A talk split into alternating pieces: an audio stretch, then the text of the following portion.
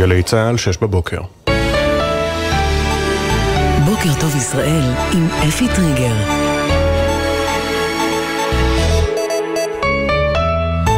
שלום לכם. בשעה זו מותרים לפרסום שמותיהם של שלושה חללי צה"ל שנפלו אמש בקרבות בצפון הרצועה. הודעה נמסרה למשפחותיהם. סגן ירון אליעזר צ'יטיז, בן 23 מרעננה, סגן מפקד פלוגה בגדוד שקד, חטיבת גבעתי. סמל ראשון איתי בוטון, בן 20 מפתח תקווה, לוחם בגדוד שקד, גבעתי. סמל ראשון אפרים יחמן, בן 21 מנווה דניאל, לוחם בגדוד שקד בחטיבת גבעתי. ארבעה לוחמים שנפלו בקרבות ברצועה יובאו היום למנוחת עולמין.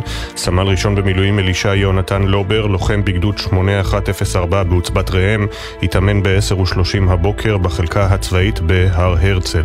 רב סמל במילואים יוסף גיטרץ, לוחם שריון בגדוד 7029 בעוצבת ראם, יובא למנוחות ב-11 לפני הצהריים בבית העלמין בקריית שאול. הלווייתו של סרן במילואים שאול גרינגליק, קצין בגדוד 931 של חטיבת הנחל, תיארך באחת בצהריים בבית העלמין ברעננה. רב סרן שי שמריז, מפקד פלוגה בגדוד 931 של חטיבת הנחל, יובא למנוחת עולמים בשתיים ורבע אחר הצהריים בבית העלמין במשואות יצחק. יהי זכרם ברוך. אמש הובא למנוחות רב סמל ראשון במילואים מאור לביא, לוחם בגדוד 450 של חטיבת ביסלח, אשתו ענבר נפרדה ממנו. כשבאת לבקר והיית עם הבנות, אמרת לי שזה רק מחדד לך בשביל מה אתה נלחם. עכשיו, כשאתה כל כך קרוב לריבונו של עולם, תהפוך שם שולחנות, כדי שיהיה לנו כאן טוב. אוהבת אותך בכל ליבי. המגעים לשחרור עסקת, חטופ... לעסקת שחרור חטופים נוספת. השר לעניינים אסטרטגיים רון דרמר והיועץ לביטחון לאומי בבית הלבן ג'ייק סליבן נועדו הלילה בוושינגטון. הם שוחחו על גיבוש תוכנית ליום שאחרי המלחמה, כולל סוגיית הממשל והביטחון ברצועת עזה, ועל מעבר לשלב נוסף בלחימה שמטרתו מיקוד ביעדי חמאס בעלי ערך גבוה. כך אה, דיווח גורם בבית הלבן על פי סוכנות הידיעות רויטרס. התמרון הקרקעי בשטח הרצועה מתרחב וכוחות צה"ל החלו לפעול גם במחנות הפליטים במרכז הרצועה.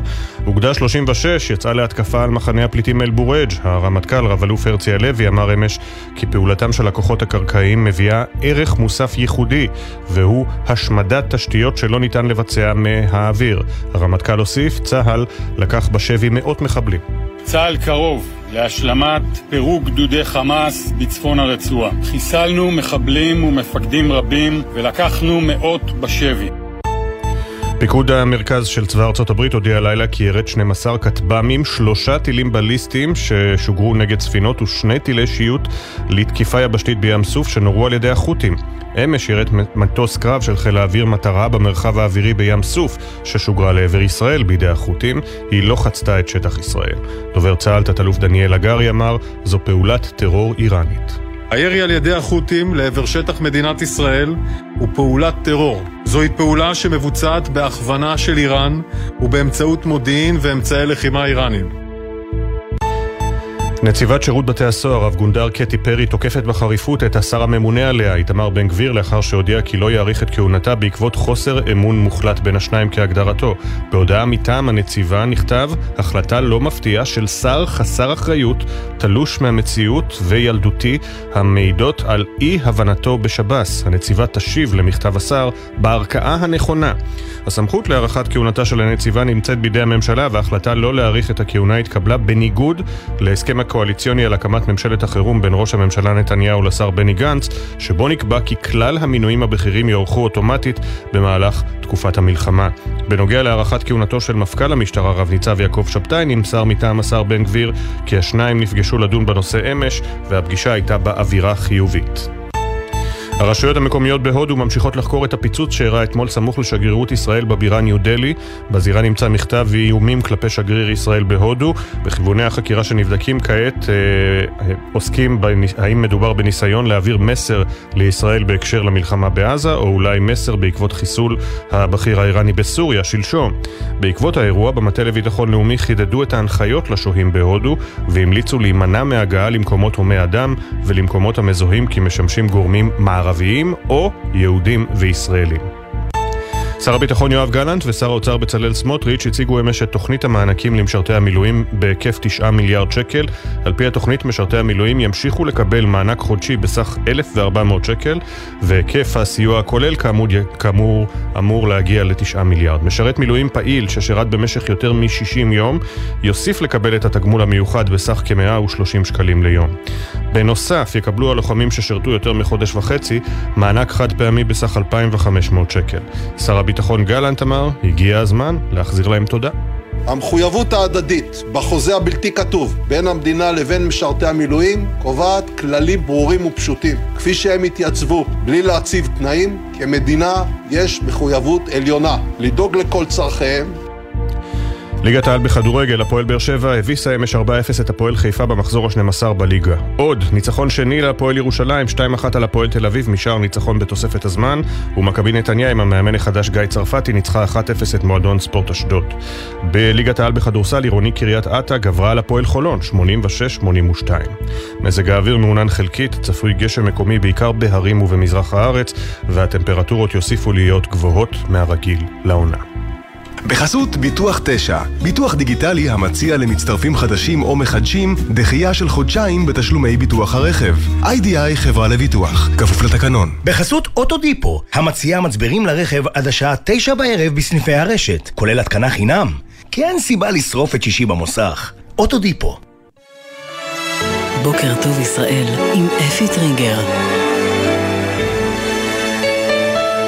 שש דקות וחצי אחרי השעה שש, גלי צה"ל, בוקר טוב ישראל, בוקר יום אה, רביעי, 27 בדצמבר 2023, ט"ו בטבת תשפ"ד. גם הבוקר מותרים לפרסום שמות חללים, מדובר בשלושה, אה, קצין ושני לוחמים בפלוגה בגדוד שקד, חטיבת אה, גבעתי. דורון קדוש, כתבנו לענייני צבא וביטחון, שלום. שלום אפי, כן, מדובר על אה, קרב שניהלה אה, חטיבת גבעתי אתמול במהלך אה, שעות הערב בשכונת דראג' טופח בצפון הרצועה, ובהיתקלות עם מחבלים נפלו קצין ושני לוחמים מגדוד שקד של גבעתי, שמותיהם הותרו הבוקר לפרסום. סגן ירון אליעזר צ'יטיז, בן 23 מרעננה, סגן מפקד פלוגה בגדוד שקד של גבעתי, סמל ראשון איתי בוטון, בן 20 מפתח תקווה, לוחם גדוד שקד של חטיבת גבעתי, סמל ראשון אפרים יחמן, בן 21 מנווה דניאל, לוחם גדוד שקד של חטיבת גבעתי. כאמור השלושה נפלו אמש במהלך היתקלות עם מחבלים, מניין חללי צה"ל בקרבות אה, ברצועת עזה מתחילת התמרון, עולה הבוקר ל-164. יהי זכרם ברוך. אמן. ובינתיים דורון הלחימה אה, מעמיקה, כפי שהגדיר זאת אתמול דובר צה"ל. נכון מאוד, למעשה אפי, אנחנו רואים את הקרב הזה שהתנהל בצפון הרצועה, בשכונת אה, דראג' אבל, אבל במקביל אליו, כוחות צה"ל פועלים בעוד שני מוקדים. יש את המוקד כמובן בח'אן יונס, שהוא המוקד המרכזי, עם האוגדה הגדולה ביותר, אה, ושם המשימה אולי החשובה יותר, אבל עכשיו אה, צה"ל פתח גם בהתקפה על מחנות המרכז, מחנות הפליטים של מרכז רצועת עזה, כשהמחנה הראשון הוא מחנה אל-בורג', שם יש גדוד של כאלף מחבלים שהוקדש 36 פתחה בהתקפה עליו במהלך היממה האחרונה. אנחנו כבר רואים אפי קרבות שמתחילים להתנהל במהלך היממה האחרונה במחנה הפליטים אל-בורג' והמטרה למעשה היא ששני מחנות הפליטים העיקריים שנמצאים בחזית, כלומר מול הגבול, סמוך מאוד לעוטף עזה, שזה אל-בורג' ומחנה הפליטים אל-מורזי, ששניהם יטופלו, הגדודים של חמאס שם יפורקו, וככל שאפשר, ככל שיוותר הזמן לצה"ל בהמשך התמרון הקרקעי, לטפל גם בשני, בשני הגדודים הנוספים שנמצאים יותר מאחורה, אה, דיר אל-בלח ונוסירת, אבל בשלב הזה כאמור, התקפה של צה"ל במשולב בצפון הרצועה, במרכזה ובדרומה. תודה דורון.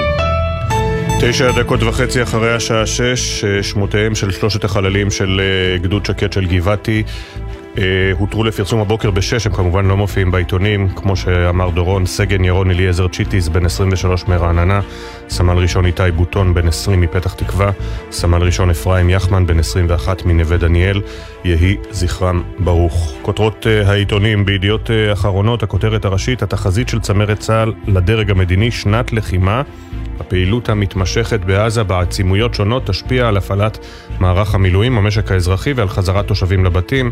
רב אלוף הלוי אומר אין קיצורי דרך בפירוק ארגון טרור. כותב יוסי יהושע, אה, מאמר הפרשנות שמקבל הבלטה, מאת נחום ברנע, תחליטו כבר.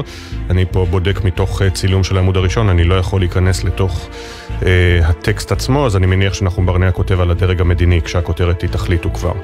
אה, עוד בשער של ידיעות אחרונות, 9 מיליארד שקל תוכנית ההטבות למילואימניקים, גיבורי ישראל, הלוחמים שנפלו במלחמה, והמועמד של בן גביר לנציב השב"ס, המזכיר הביטחוני שלו, מדווחים לירן תמרי ומאיר תורג'מן בעמוד 12. בישראל היום אה, נפלו על הגנת המולדת תמונת ששת הלוחמים ששמותיהם הותרו לפרסום אתמול. אתגר פילדלפי, זו הכותרת הראשית, אה, מאת שירית אביטן כהן. הציר, המק... הציר המקולל מהווה עורק הברחות ראשי, ודרכו כנראה הגיעו כמויות הנשק לקראת uh, טבח 7 באוקטובר. למרות שהוא מחייב טיפול, צפויה ישראל שלא להשתלט עליו ולהסתפק בפעולות נקודתיות. הדיווח המלא בעמודים 2-3 בישראל היום. מאמרי פרשנות הדוקטור מייקל אורן כותב עם כל ההבנה לעמדתו של ביידן אפשר לומר לאמריקנים כן אבל. יואב לימור כותב, ההשתלטות על רפיח חיונית אבל מהווה אתגר בשל בעיית הפליטים. נדב שרגאי כותב, במקום שנהיה ראויים לנופלים, העמקת הקרע מחללת את כבודם. חיות וחיוכים, אחרי שבועות ברצועה, המפגשים המרגשים של הלוחמים עם חיות המחמד. הגעגוע הוא כמו לכל בן משפחה, אומר אחד מהם, אה, הכתבה עם התמונות היפות בעמוד 15 בישראל אה, היום. בהארץ, הכותרת הראשית, אה, שישה חיילים נהרגו ברצועה, המתיחות בצפון מתעצמת. אה, התמונה הגדולה בשער של דובר צה"ל היא של חיילים בשכונת שג'אעיה בעזה. לפי צה"ל, הכוחות פעלו אתמול במחנות הפליטים שבמרכז הרצועה ואיתרו שם מתקני חמאס ואמצעי לחימה. עמוס הראל כותב על מחיר הדמים, ההתנגשות המיוחסת לישראל בחייו של בכיר משמרות המהפכה האיראני מוסבי שלשום, היא אחת ההתפתחויות המשמעותיות במלחמה עד כה. מותו נתפס באזור כאיתות ישראלי על כך שאיראן לא תוכל להמשיך ליהנות מחסינות בעודה יוזמת ומממנת טרור באמצעות שליחים נגדה. הוא גם מקרב אותנו לאפשרות של הסלמה גוברת מול חיזבאללה. ממש בדקות הקרובות נדון בתגובה האפשרית של איראן בזירת הסייבר בנושא הזה. מתחת לקיפול בהארץ אה, בן גביר הודיע לנציבת שב"ס שלא יאריך את כהונתה בניגוד לסיכום בין נתניהו לגנץ. חרף ההמלצות המדינה מספקת סיוע תזונתי חלקי במלחמה, אה, מדווח בר פלג. אה, וגם כתבה מתורגמת מניו יורק טיימס על הפליטים בעזה, רק לבורגנים בעזה יש אוהלים אמיתיים. הגשם, הקור והיעדר מים נקיים רק מחמירים את מצבם של תושבי הרצועה שנעקרו מבתיהם. הכתבה המתורגמת לעברית בעמוד 4 בהארץ. במעריב, ישראל מצדיעה לכם, תמונות ששת הלוחמים ששמותיהם הותרו לפרסום אתמול. אה, משפחתו של סמל ראשון במילואים יוסף גיטרץ הקריאה את מכתבו האחרון, אני נפלתי בכבוד למען עמי, אין לי חרטות. ציטוט, מלחמה ארוכה וקשה בכל הגזרות, סוף ציטוט. הרמטכ"ל אמר כי צה"ל מרכז את המאמצים בדרום הרצועה ובמחנות המרכז, אין קיצורי דרך. בעמוד 5 כותב טל לברם תיאום ציפיות. ככל שהמתחים בחברה הישראלית יגברו, השסעים יתרחבו, המלחמות הפוליטיות יתעצמו וחברי ממשלה יזרקו אחריות על ראשי הצבא ויטענו לחוסר תפקוד ותוצאות בצה"ל, המקום שלשם בדיוק מכוון חמאס על מנת להעצים את הישגיו. כך מסיים לברם את מאמר הפרשנות שלו. עוד בשער של מעריב, בניגוד להסכמים, בן גביר הדיח את נציבת שירות בתי הסוהר. בג'רוזלם פוסט, הכותרת הראשית, גם כן, גם פה, של הרמטכ"ל, אה, הרצי הלוי, It may take months to get Hamas leaders, המצוד אחר אה, מנהיגי חמאס עשול, עלול להימשך אה, חודשים. Biden calls Qatari Emir as Dermer visits Washington. ביידן שוחח עם ראש ממשלת קטאר, עם סליחה, עם אמיר קטאר, כשבמקביל השר רון דרמר מבקר בוושינגטון. שמענו בחדשות הלילה שדרמר נועד עם ג'ייק סליבן, היועץ לביטחון לאומי לנשיא ארצות הברית.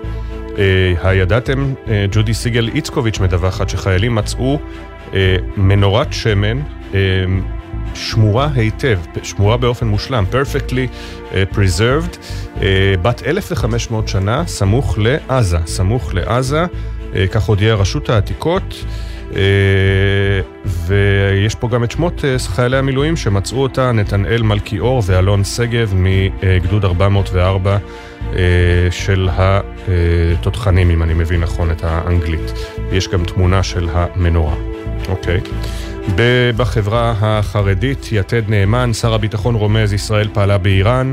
החייל שמצא חנוכיה בשג'אעיה נהרג אתמול, השם ייקום דמו, מאור לביא. הבקשה שנותרה כצוואה מצמררת, אשמח להחזיר החנוכיה לי ועליה. וגם, הממשלה תדון היום בדחיית הבחירות המקומיות. אה, ככל שיוחלט לא לדחות את הבחירות, יתקיים דיון ביום ראשון הקרוב, כאילו ניתן צו על תנאי בבג"ץ, אחרי שהדיון שנועד להיום נדחה. אנחנו בהמשך נחזור גם עם אה, כותרות נוספות מהעולם סביב הלחימה ועיתוני הכלכלה.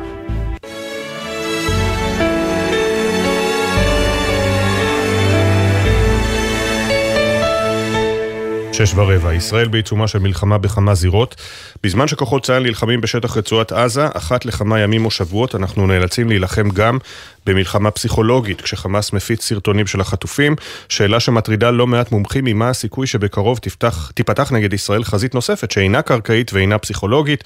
אני מניח שרבים מאיתנו סברו שלשום כשהייתה הפסקת החשמל הנרחבת ברחבי ישראל, שמדובר אולי בפעולת תגובה איראנית, בסופו של דבר התברר שזו תקלה ולא מתקפת סייבר, אבל מצטרף אלינו בכל מקרה דוקטור הראל מנשרי, ראש תחום סייבר במכון הטכנולוגי חולון, ממקימי מערך הסייבר של שב"כ, שלום לך, בוקר טוב.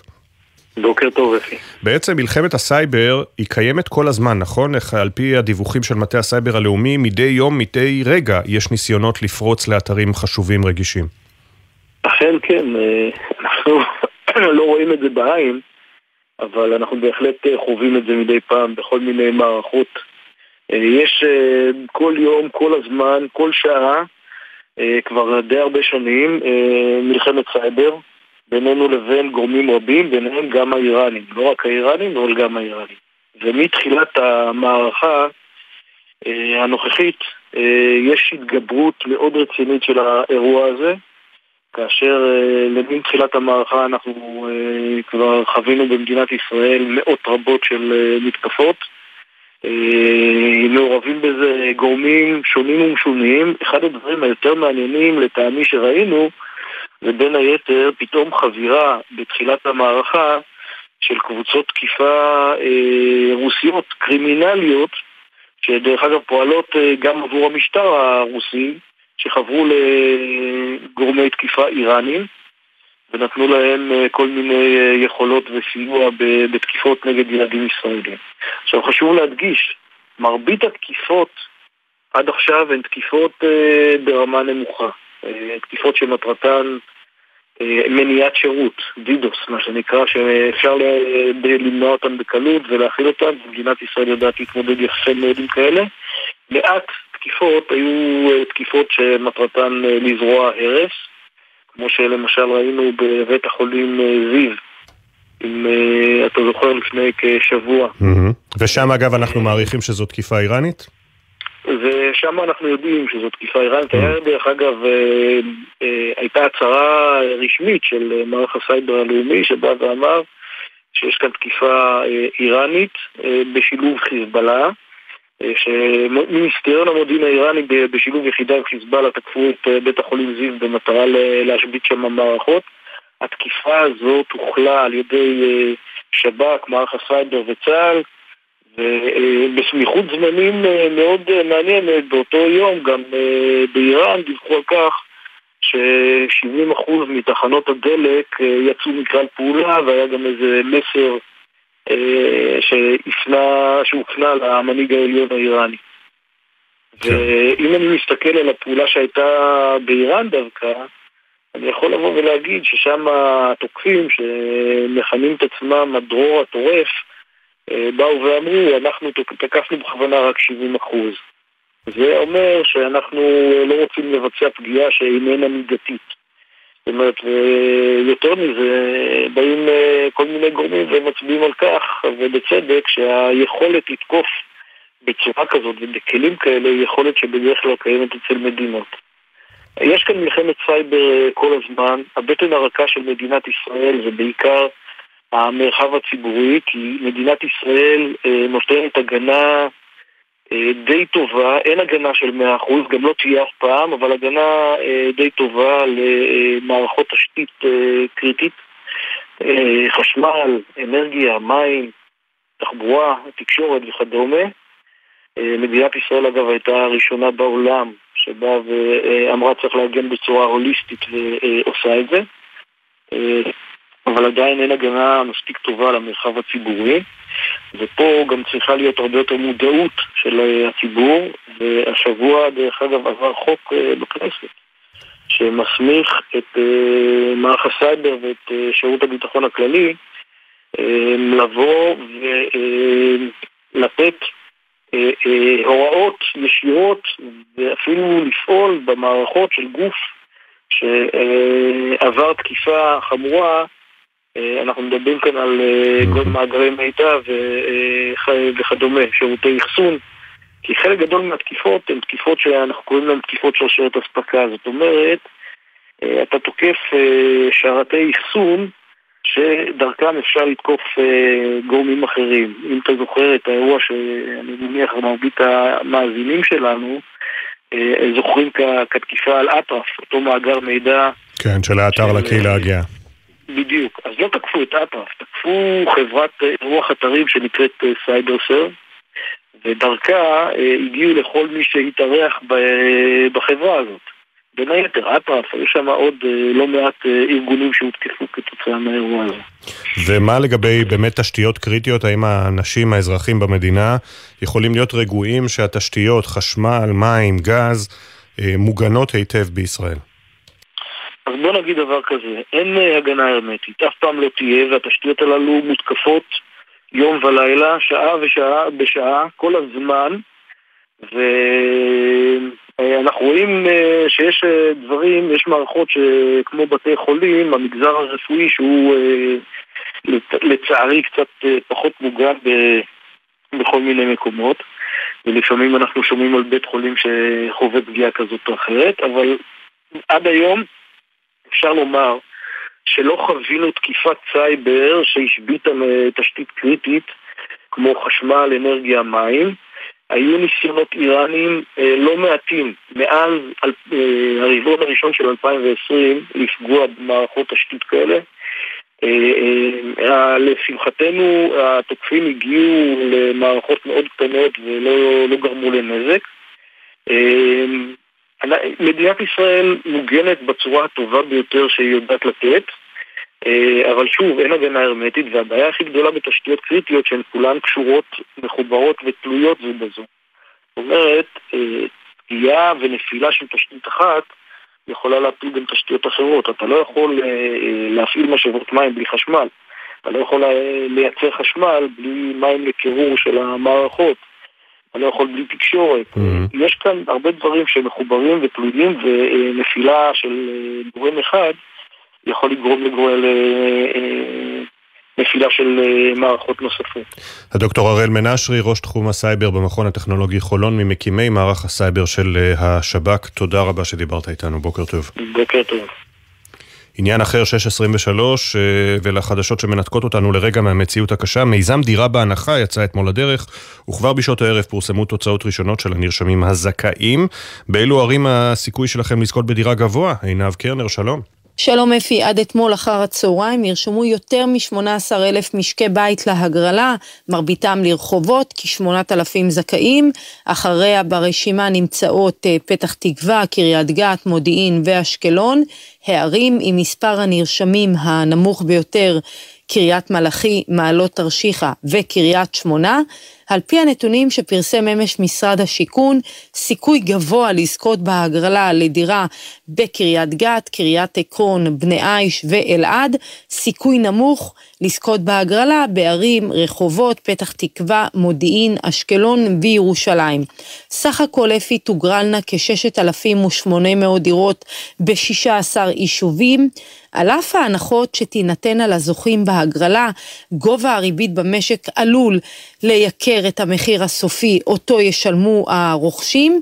בנוסף, עם פרוץ המלחמה, שוק הנדל"ן נכנס לקיפאון ולפי הערכות אה, אפי ברבעון הרביעי של השנה תחול ירידה של לא פחות מ-40% בהתחלות הבנייה, כך שבנוסף למיזם דירה בהנחה שנותן מענה מאוד מצומצם, יש לדאוג לפתרון מקיף בענף הנדל"ן, אחרת אפי המשבר בענף יעמיק ולכך תהיינה השפעות גם על מחירי הדירות שעלולים לזנק מחדש אם לא יהיה מענה לביקושים. תודה עינב. כמעט 6.25 כותרות כלכליות ומיד גם אה, נקרא לכם שיר שנכתב אה, ב- ב- ברוח הימים, שיר עצוב. לפני כן הכותרות בלעדי בעת אורן דורי בגלובס, היועץ הכלכלי של ראש הממשלה, דוחף לביטול התקציב החדש ל-2024. בזמן ששר האוצר רב עם בכירי משרדו על היקף הקיצוץ בתקציב החדש, לגלובס נודע שראש המועצה הלאומית לכלכלה, פרופסור אבי שמחון, רוצה לבטלו כליל כדי להימנע מקיצוצים במשרדי הממשלה והעלאות מיסים. שמחון ונתניהו כבר הובילו מהלך דומה במשבר הקורונה, אז העבירו קופסאות חוץ תקציביות במקום תקציב מדינה. במשרד האוצר חוששים שהמהלך יוביל לגירעון מסוכן של 6 אחוזים. כך uh, הידיעה הבלעדית בעמוד 6 בגלובס. בדה מרקר, העסקים באזור הדרום מתאוששים ובצפון תקועים באוקטובר. הפגיעה הפיזית בתשתיות וברכוש בצפון גדלה מדי יום, ענפים רבים מושבתים ועובדים אינם מסוגלים להגיע לעבודה. כתבי דה מרקר מדווחים שהמכה התעסוקתית לאוכלוסייה שפונתה מהאזור של הצפון חמורה יותר מאשר למפונים מהדרום, אבל הממשלה לא הציגה תוכנית ייעודית להתמודדות עם הנזק הכולל בצפון. בכלכליסט, הכותרת הראשית עם הפנים לבחירות, ההחלטה להסתבך כלכלית תעלה לקופת המדינה עוד 7 מיליארד שקל בשנה. שר האוצר סמוטריץ' צריך להגיש את התקציב עד ל-20 בינואר, אבל כל יום שהוא לא מקבל החלטות מגדיל את הבור התקציבי. כך למשל, תוספת נקודות הזיכוי והקפאת מדרגות המס שייכנסו לתוקף בשבוע הבא לא יבוטלו. סמוטריץ' צפוי לנהל כלכלת בחירות מבלי לנקוט צעדים לריסון ההוצאות והגדלת ההכנסות. המשמעות היא עלייה בחוב, זינוק בריבית, הורדת דירוג וסכנה של כניסה לסחרור פיננסי, מדווחים אדריאן פילוט ושלמה טייטלבאום בעמודים 4-5 בכלכליסט. אה, בממון קצת חדשות טובות למשק הישראלי מדווחת דוד זומר, שבב של תקווה, אושרה סופית הקמת מפעל חדש של אינטל בקריית גת בהשקעה נוספת של 15 מיליארד דולר. בהסכם גם רכישת רכיבים מספקים מקומיים ב-60 מיליארד שקל. ובישראל היום מצורף היום מוסף הרכב, רכב היום, כתבת ענק על ה-MG ועוד יותר ממאה דגמים שיגיעו לכאן אה, ב-2024, וגם כתבות בסגנון חשמל נגד בנזין. אה, אמריקה, לקחנו את הסילברדו החדש לסיבוב בלעדי ועוד, זה לחובבי ענף הרכב. אה, לפני שאני אעבור לשיר העצוב, אני רוצה להפנות אתכם גם למוסף זמנים פלוס בידיעות אחרונות. יובל נשיא, שאיבדה את בעלה רב סרן אריאל בן משה ב-7 באוקטובר, מתמודדת עם החלל העצום שנפער בה, באומץ, אופטימיות והרבה תרגול יוגה. ציטוט, הבנתי שלא משנה כמה אצעק ואבכה, זה לא יחזיר את אריאל, ומתוך החושך הזה אפשר לחפש את המתג ולהדליק את האור, היא מספרת לסמדר שיר. המילה אלמנה לא מתאימה לילדה בת 27 שאיבדה את בעלה. מרגשת מאוד, אה, עמודים 4-5 במוסף זמנים פלוס של ידיעות אחרונות. אה, הרבה מאוד אה, ממאזיננו כמובן שמים לב שמדי בוקר, לצערנו מדי בוקר, ב-6 בבוקר אנחנו מביאים לכם את הבשורות הקשות שהגיעו מוקדם יותר למשפחות השכולות. משתמש פייסבוק בשם שחר דוד כתב שיר בשם מותר לפרסום, הוא מאזין קבוע שלנו, שלח לי את הקישור, אני אקרא כמה בתים. שש בבוקר, זו השעה. הותר לפרסום אותה הודעה. הלב לא מכיל כבר, קרוע, זועק, יושב בחדר, בוכה וצועק. ידיעות משג'אעיה, עשרה חיילים, מערב של נ"ט, מטענים על כלים, בוקובזה ושצמן על מדים, מי מבחין? וזלצמן ושטרית, זה שמאל וזה ימין, דתי, חילוני, מהקיבוץ, מהכפר, לחמאס, לאויב, לא משנה שום דבר. ורק עד כאן מרגיעה, מלטפת, מחבקת ובוכה, עוד דקה רק איתך, מבקש רק עוד דקה של שקט. שש בבוקר זו השעה, הותר לפרסום, אותה הודעה. אני משתגע, מחפש לי מקלט, הלב מתפרק, המוח נמחק, ידיעות מג'באליה, מערב מתוכנן. שש ודקה ועוצר לי הזמן. מנסה לעכל, להבין מה קרה, מסתובב ובודק כמעט כבר ערב, עוד יום של אי שקט ועצב ובכי, עוד יום של זעקה, אל תלכי. שיר שחיבר שחר דוד לזכרם של קדושי המלכות, רב סמל ראשון מאור לביא, סרן שאול גרינגליק ורב סרן שי שמריז, ששמותיהם הותרו אתמול אה, לפרסום. אני מיד אה, אצייץ אה, ב-X, לשעבר טוויטר, את הקישור לשיר היפה והעצוב הזה. יוצאים להפסקה של 50 שניות ומיד חוזרים.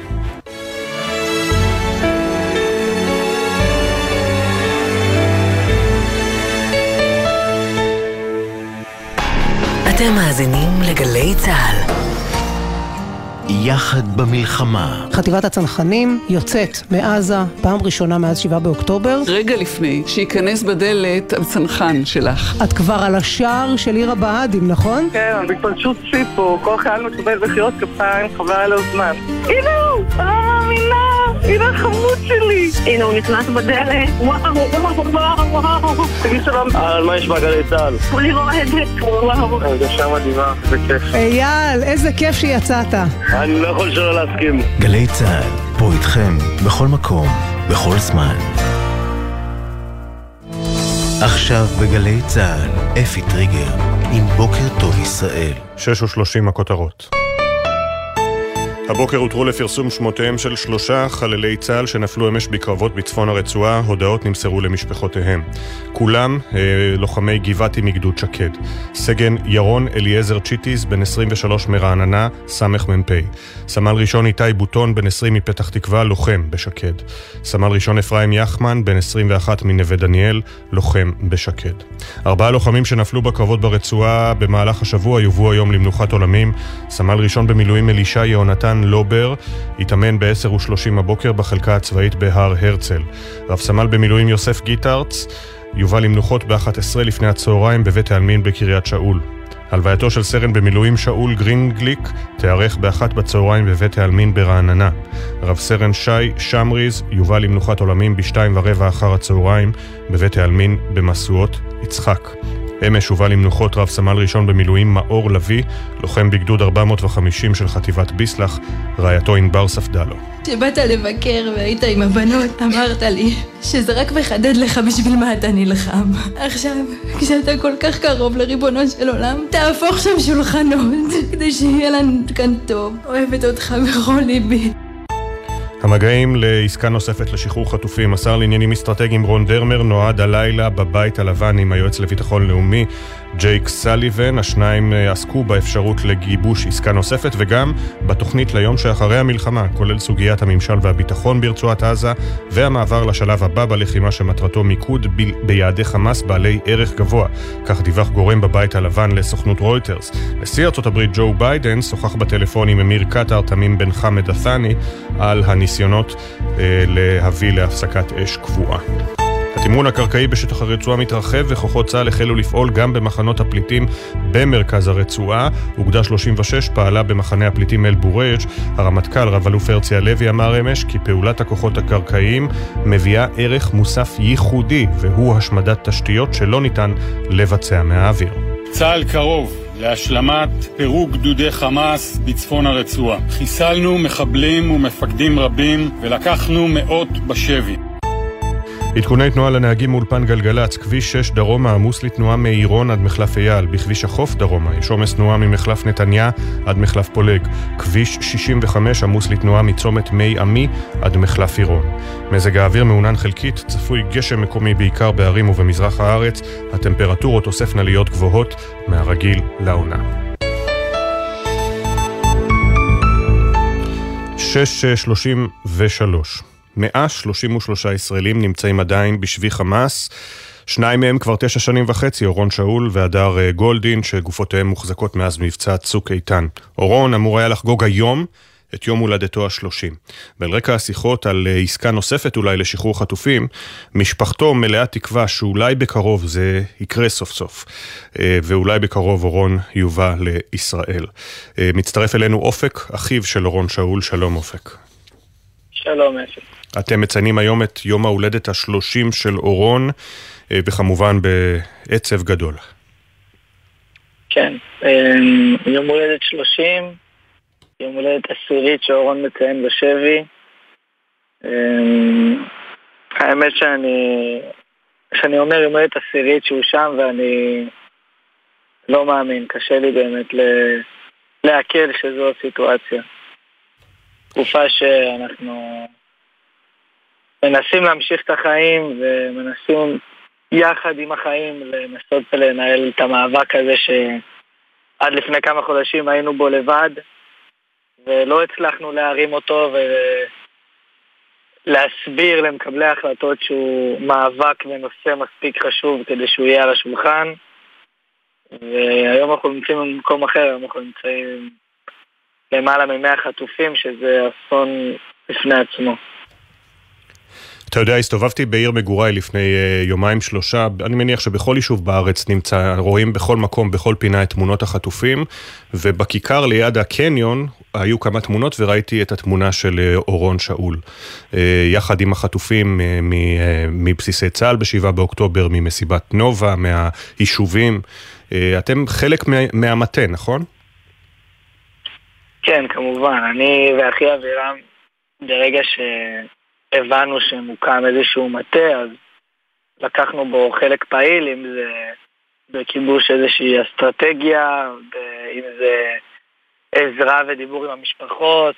אנחנו מהיום הראשון שם, ואנחנו מקווים שהמטה והפעולות שלו יניבו תוצאות. בינתיים אנחנו רואים שחזרו לפני כמה שבועות, ואולי מעל חודש, אני לא יודע בדיוק. חזרו באמת אה, חטופים, אתה יודע.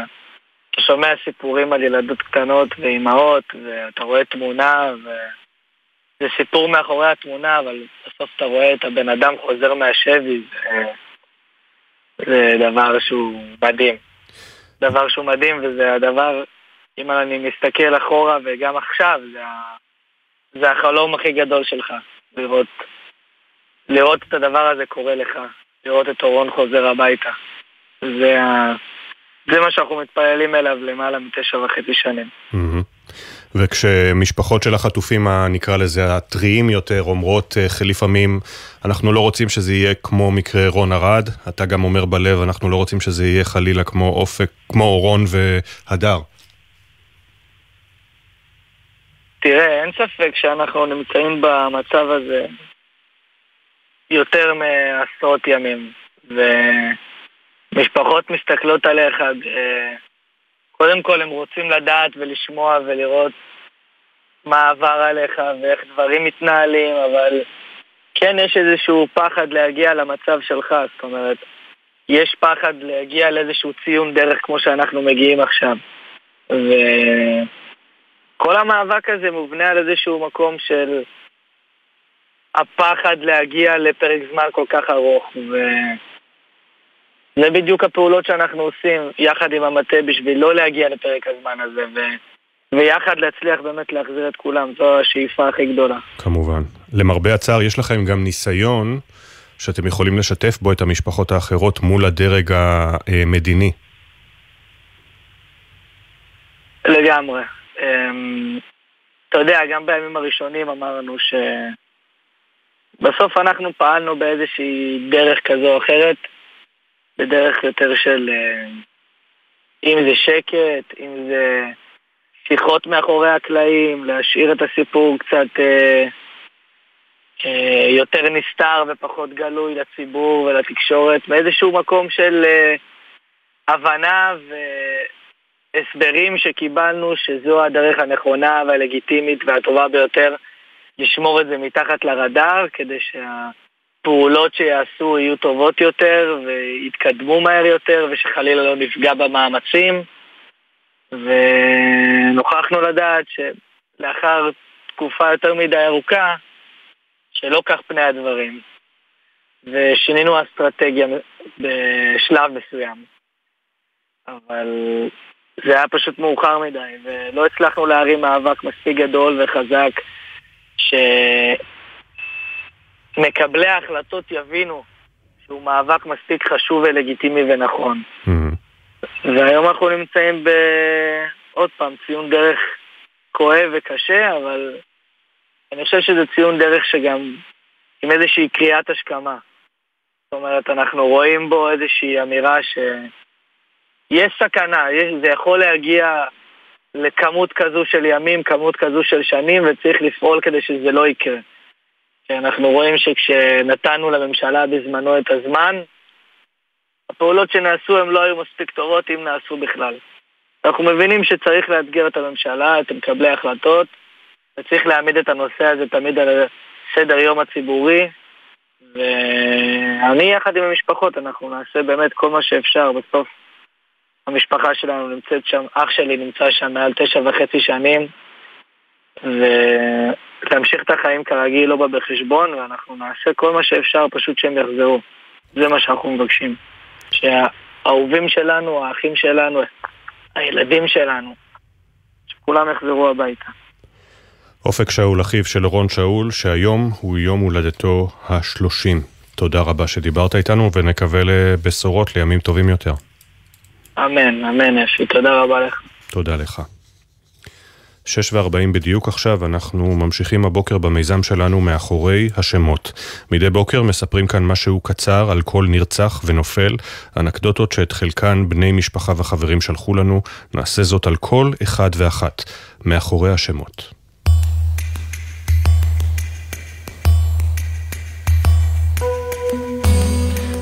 סמל ערן אלוני, בן 19 מאופקים, היה לוחם בגדוד 51 בחטיבת גולני, נפל בקרבות בצפון רצועת עזה.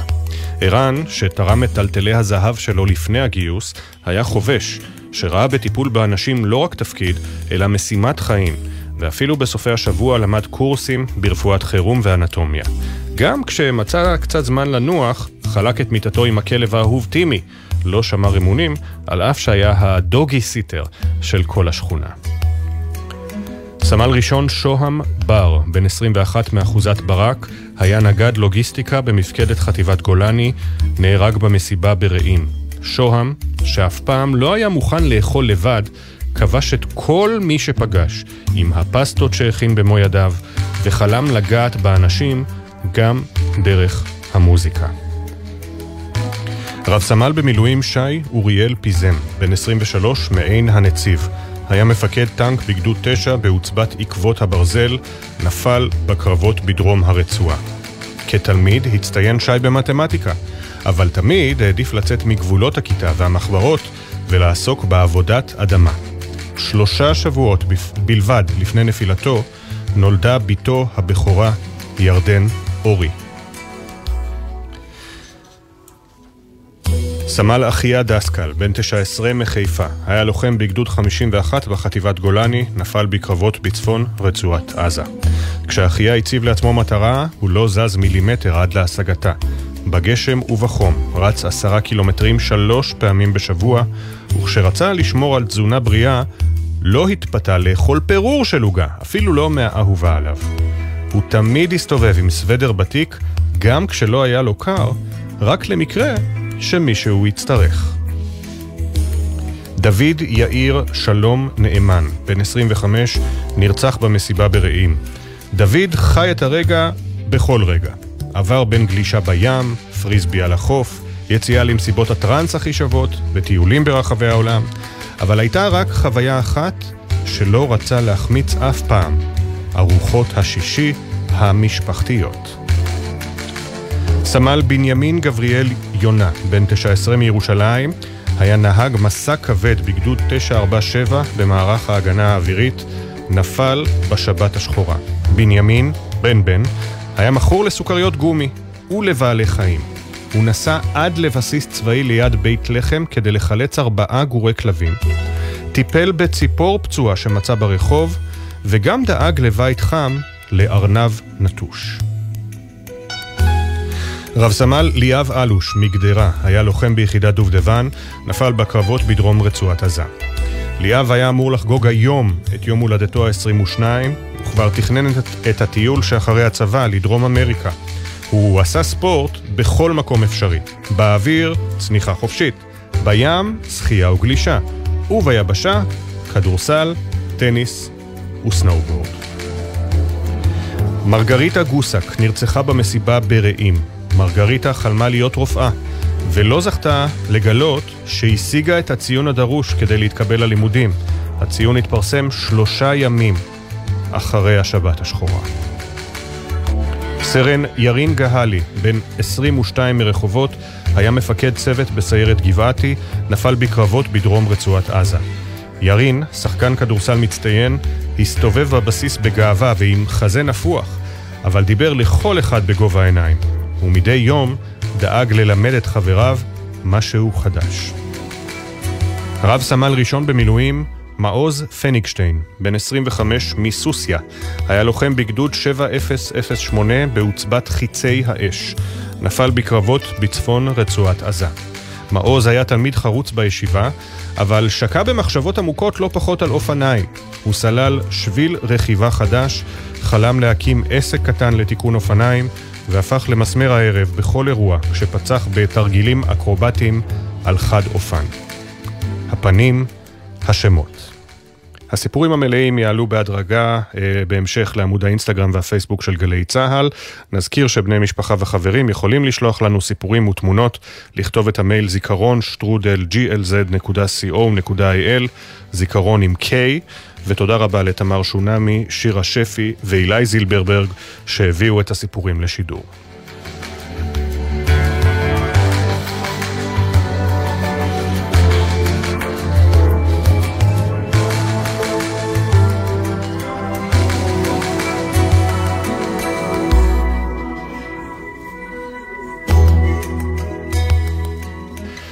רבע לשבע ועוד uh, חצי דקה, אנחנו בפינת הפרשנים שלנו עוסקים uh, בנושא שמדברים עליו הרבה, אבל uh, יש מי שחושב שלא מספיק. היום שאחרי, זו הכותרת המפוצצת, או כמו שנחום ברנע כותב הבוקר בידיעות אחרונות, תחליטו כבר. ישראל מנהלת זה חודשים מלחמה צודקת, מלחמה שנכפתה עליה, עליה על ידי ארגון טרור רצחני, אבל גם מלחמה צודקת צריכה להתנהל תוך התחשבות במגבלות הכוח ובטובת המדינה לטווח ארוך. זה מחייב לשקול היטב את סדר העדיפויות ואת חלוקת הכוחות והמשאבים. האם ממשלתנו עומדת במשימה הזאת? לא בטוח. כותב אה, ברנע, המאמר המלא שלו בעמוד 3 בידיעות אחרונות. היום שאחרי מצטרפים אלינו נועה שוסטרמן דביר, מנהלת תוכנית פלסטינים אה, באזור, מיינד ישראל. שלום לך, בוקר טוב נועה. בוקר טוב. והאלוף במילואים איתן דנגוט, לשעבר מתאם פעולות הממשלה בשטחים, שלום לך, בוקר טוב. שלום, בוקר טוב אפי. אה, נועה שוסטרמן דביר, מה זה היום שאחרי? אה, אז דבר ראשון, היום שאחרי הוא בעצם השאלה של מה הולך לקרות אחרי שאנחנו נמוטט את חמאס. בעצם אם נצליח במיצוי מטרות הלחימה, אה, אז בעצם אם לא נצליח במיצוי מטרות הלחימה, שאלת היום שאחרי משתנה לחלוטין. זאת אומרת, כל האופציות שאנחנו מדברים עליהן כיום הן לא רלוונטיות אם חמאס עדיין נשאר הריבון בשטח, ואז זה שם בפנינו סל אפשרויות אחר לחלוטין. אה, וכאשר אנחנו מדברים, אלוף במילואים איתן דנגוט, על היום שאחרי, זה לא רק מבחינת הלחימה בעזה וסדק הכוחות של צה"ל, אם אתה הדרג המדיני, אתה צריך להתחשב גם במצב המשק, כלכלה, אה, כיצד מנהלים את החיים, מה קורה בצפון כמובן. אכן כך. אה, קודם כל, היום שאחרי למעשה מתחיל כבר ברגע שאתה פותח באש או מתחיל על הפעילות שלך. והוא מורכב ממספר היבטים. המרכזי שבהם, וזה סיבת המלחמה ומטרותיה, זה קודם כל אה, להוציא את שלטון החמאס מעזה תוך כדי פירוקו או פגיעה משמעותית קשה ביכולתו הצבאית ופגיעה או לכידה של ההנהגה, כאשר יש לו רכיבים אה, משלימים נוספים שיוצרים איזונים. אז התפיסה הביטחונית ליום שאחרי לדעתי היא תפיסה פחות או יותר, אתה יכול להגיד שהיא מגובשת. אבל לגבי כל שאר ניהול מרכיבי האזרחים היומיומיים של אה, יבואו בהמשך לרגע שצה"ל יחליט שהוא משנה את תפיסת המלחמה שלו ללחימה והמשך של תיאור השטח הוא שאלה מאוד מורכבת, קשה, הייתי אומר מעורפלת, שבחלקה היא גם ניסוי וטעייה שמתחילה עם איזשהו מכניזם שעליו אתה תחליט ולפעמים גם כפי שנראה לא כל כך תהיה החלטה מניהול חיים אזרחיים ממשמעויות של שיקום או בניית תשתיות, שליטת החיים האזרחיים, איך היא תהיה, באיזה פרוצדורה, איזה פקידות, כל סוגיית המסחר והגישה לעזה, מערכים אה, חדשים. ופה אולי דיברנו על היום שאחרי, יש לזה את השינוי.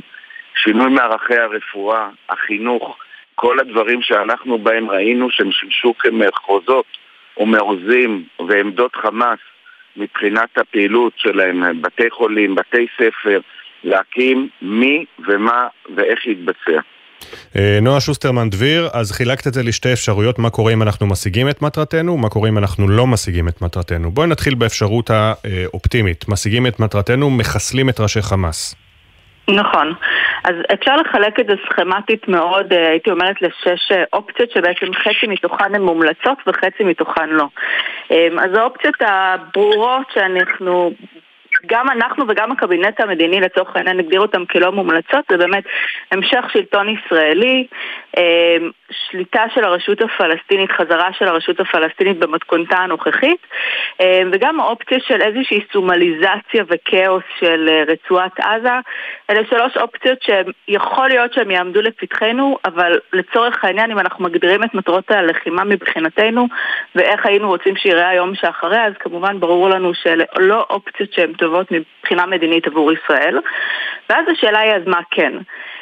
אז היינו רוצים, כמובן, אה, אופטימלית, לראות איזשהו שלטון טכנוקרטי, גם מדברים על זה היום, אה, משהו שהוא לא אה, חמאסי, הוא לא פתחאווי, אה, הוא מבוסס על איזושהי פקידות מקומית אה, שבאמת פועלת אה, למטרות אזרחיות, יש פה המון סימני שאלה על איך הדבר הזה מתאפשר, באמת הדברים שאיתן שם עליהם דגש, שאלות השיקום, שאלות החינוך, הרפואה, יש פה שאלה של מי מרכזת ומתכלל את הדבר הזה, מאיפה מגיע הכסף, מה ההכרה הבינלאומית, ולכן זאת כן אופציה, אבל זה משהו שאני חושבת שברמת היישום הוא מאוד מאוד מורכב.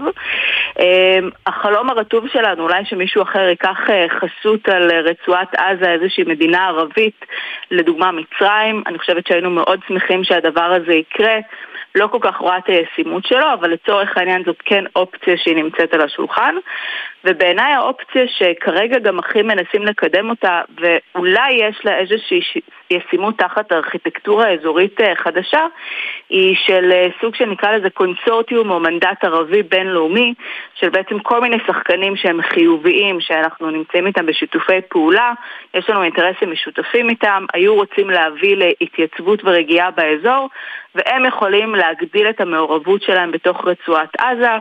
אמ, ובאמת להביא את, ה, את הבנייה מחדש של הרצועה, שצריך לשים על זה אה, נקודה מאוד משמעותית, זה שהם ידרשו שיהיה מדובר במש, במשטר או מנדט זמני, שבסופו של דבר מטרתו היא החזרת הרשות אה, הפלסטינית חזרה לרצועת עזה mm-hmm. בתנאים משופרים. זאת אומרת, מה שקוראים לזה היום רשות פלסטינית מחודשת ומתוקנת, הם כן היו רוצים שישראל תתחייב מצידה לתהליך מקביל של אה, חידוש ותיקון הרשות הפלסטינית, או, או בסיוע, אה, לסייע בעצם לקהילה הבינלאומית לעשות את זה. אה, אז זה כרגע השיח שנמצא על השולחן. אני חושבת שהאופציה האחרונה היא זאת שהכי קורצת והיא גם הכי נכונה ברמה המדינית. אה, ואלוף במילואים דנגוט, אה, היית ליד אה, שרי ביטחון וליד רמטכ"לים, כלומר גם במשולש הזה של דרג מדיני, דרג צבאי והמפקדים בשטח. כשנמנעים מדיון כזה בסיבות פוליטיות, מה לעשות, פוליטיקה היא חלק מהחיים שלנו, אי אפשר לבוא בטענות למשל לראש ממשלה, אפשר לבוא בטענות, אבל בסוף אתה יכול להבין שראש ממשלה שהקואליציה שלו מורכבת מהציונות הדתית, מפלגת הציונות הדתית ועוצמה יהודית, והוא מבין שבסוף הדרך יהיו שם פקידים של הרשות הפלסטינית, נזהר כרגע מבחינה פוליטית גם מלעסוק בזה. תראה אפי, קודם כל, גם מתפקידי כמתאם פעולות הממשלה בשטחים, אנחנו יכולים עד מחר להסתובב ולהגיד לא מדברים או כן מדברים. כל אחד מכל הגורמים שציינת, כולל ה... מי שיש לו דעות שאומר לא ולא ולא ולא, אבל לצערי גם לא אומר מה כן. הסוגיה הזאת היא צריכה לעלות על השולחן מהרגע שאתה פותח באש, והיא צריכה להיות מקבילית. ובצה"ל ובמערכות הביטחון אני מבטיח לך שעוסקים בה מהרגע הראשון וחושבים עליה והמצב היום הוא הרבה יותר מורכב. באשר למה שנועה ציינה אני רוצה להוסיף גם עוד דבר אחד ישראל תהיה פה מעורבת והיא תגיד ישראל לא, אנחנו יכולים להגיד לעצמנו עד מחר אנחנו נהיה מעורבים מהרגע הראשון בכל מה שקשור בניהול הרצועה גם בהיבט האזרחי ואנחנו נצטרך לראות איך אנחנו תוך כדי הניסוי והטעייה שאנחנו מבצעים עם עליות ומורדות זה דבר שהוא לשנים. עיצוב היום שאחרי, או בחירת המכניזם שיגיע, יהיה 80% ברעיונות שתוביל, אבל גם 20% בהתפתחות בשטח. ולכן חובה, חובת ראש הממשלה כלפי אזרחי מדינת ישראל, כלפי המערכות שהוא שלח והפעיל למלחמה, לדון בנושא הזה, כי כרגע אתה כבר בשלב שהגורמים מסביב רוצים לא רק לדעת שאתה דן בזה, אלא לדעת מה אתה חושב על זה כדי לקיים מבחינה זאת דיונים. וכל רגע שאתה לא מבצע שם תהליכים ומהלכים, גם אם אתה תסטה מהם בסופו של דבר לפתרון אחר, אתה יוצר פה עיכוב, ובסוף אתה תוביל את האחריות עליך. כי כרגע האחריות היא עלינו מבחינת תוך הרצועה. אנחנו רוצים להתנתק. אם לא נעסוק בזה, לא, לא נתנתק מהרצועה ונקבל אחריות. ולכן, מי שלא לוקח אחריות ורוצה להיות שותף בזה, אני מדבר על שותפים קואליציוניים, הוא מוזמן לראות את הדלת אקזיט ולצאת החוצה ולהכניס פנימה את אלו שמתמודדים ומסתכלים לבעיה בעיניים, יושבים ורואים את, הפיו, את הפתרון האופטימלי. ממ-הממ. לא את הפתרון האידיאולוגי שלהם לנושא. אבל אה, עד, כמה, עד כמה הדיון הזה שהתקיים חשוב גם לרמטכ"ל ולכוחות הפועלים בשטח? עכשיו. בוודאי. אה, אליי או אל נועה? לא, אתה יכול להמשיך, אני מקשיבה. אמ, כן, בוודאי שזה חשוב. השאלה היא איך אתה מתנהל כיום, אם מן הסתם מושפעת מאיך אתה מעצב את היום שאחרי. אם המטרה שלך היא השתלטות מחדש על, אה, על אה, רצועת עזה, ובעצם אה, כינון שלטון, אתה רוצה להקים מחדש את המינהל האזרחי, אתה רוצה... יש פה שאלה של איזה מערכות אתה מקים ובאיזה צורה אתה עושה את זה, אז כמובן הפעולות שלך היום הן מושפעות, הן צריכות להיות מושפעות ממה שאתה מתכנן לטווח ארוך, וזה חלק מהקושי שאין לך כרגע את השיח על זה. Mm-hmm. אז אתה בעצם פועל בצורה שהיא אד-הוקית, היא בעצם, היא פותרת נקודתית את מה שאתה רוצה לעשות כרגע, אמ, אבל היא לא שואלת את השאלה, אוקיי, אז, אז אם אני רוצה להכניס גורם נוסף, האם הוא, מה הדרישות שלו, מה הצרכים שלו, אולי אתה כבר היית רוצה להכניס אותו בשלב יותר מוקדם, יש פה כל מיני שאלות שצריך לדון בהן. ואלוף במילואים דנגוט, אתה אומר גם בוודאי. אני אומר בוודאי, אבל וגם, וגם זה משפיע על הפעילות המבצעית הצבאית. כרגע אתה נמצא בשלב שבלי לדעת את האופק ולאן אתה מכוון ומה יהיה משלים למצב הפתיחה שלך כשאתה משנה את הסיטואציה ממלחמה ועובר לתצורה אחרת ולהגנה ויש את האחריות לראש הממשלה גם להחזיר את התושבים ולהגיד להם אתם יכולים לחזור. זה לא אחריות טוב כרגע של אה, השר בן גביר או מישהו אחר, הסיטואציה הזאת מחייבת את ראשי מערכות הביטחון להיות ערוכים לדירקטיבה עם אנשים מאוד אה, רציניים בהקשר של הצורך שלהם לגמישויות כאלה ואחרות אבל בלי להיכנס לזה, בלי המעגל המדיני המשלים, ש... המשלים שצריך לשמוע, בלי האיכויות, זה פשוט עוצר מכונה, וכל עצירה פה היא נסיגה לאחור. Mm-hmm. ואתה חייב בעת הזו להבין לאן אתה הולך. מה עוד, ולצאת מהדיון הזה כל המבט שלנו עכשיו גם מתחיל להיות כל הזמן מופנה צפונה. לא רק בהיבט של וינקר שאתה מסתכל לצד ימין לראות מה קורה כשאתה מסתכל צפונה, אלא הצפונה כרגע היא דרך, והיא דרך שהיא לא פחות מורכבת מהסיפור הדרומי. ולכן בלי להיכנס למושג הזה של ארגון השטח מבחינה אה, ביטחונית והיכולת שלך להבין לאן לכוון את ראשי המערכות שיש להם אחריות רבה, זה למעשה ניהול המדינה נתקע אם הגורם הזה לא נכנס פה לצומת שאתה יושב, דן עליה, אתה יכול לשנות דעה תוך כדי. הדברים יהיו לא כפי שתכננת גם בצורה בטוחה, אני אומר לך. אבל אתה חייב להניע את המערכת כדי שהיא תדע לאן אנחנו מובילים את אוכלוסיית מדינת ישראל מבחינה זאת להמשך.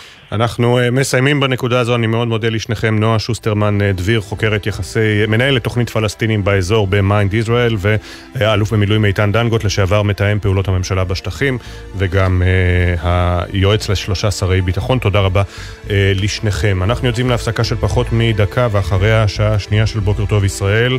Uh, עדכוני הנופלים, uh, השמות שהותרו הבוקר לפרסום, וגם הנופלים ששמענו עליהם uh, אתמול, נדבר עם... אחותו של אה, אחד מהם. וגם uh, בעקבות uh, הפוליטיקה שחוזרת בסערה לחיינו, בין היתר גם אחרי הדחת, מה שמתפרש כהדחה של uh, רב גונדר קטי פרי, האם המחנה הממלכתי יעשו יותר מרק לדבר ולהביע מורת רוח? יהיה איתנו חבר הכנסת uh, זאב אלקין. בוקר טוב ישראל, מיד השעה השנייה.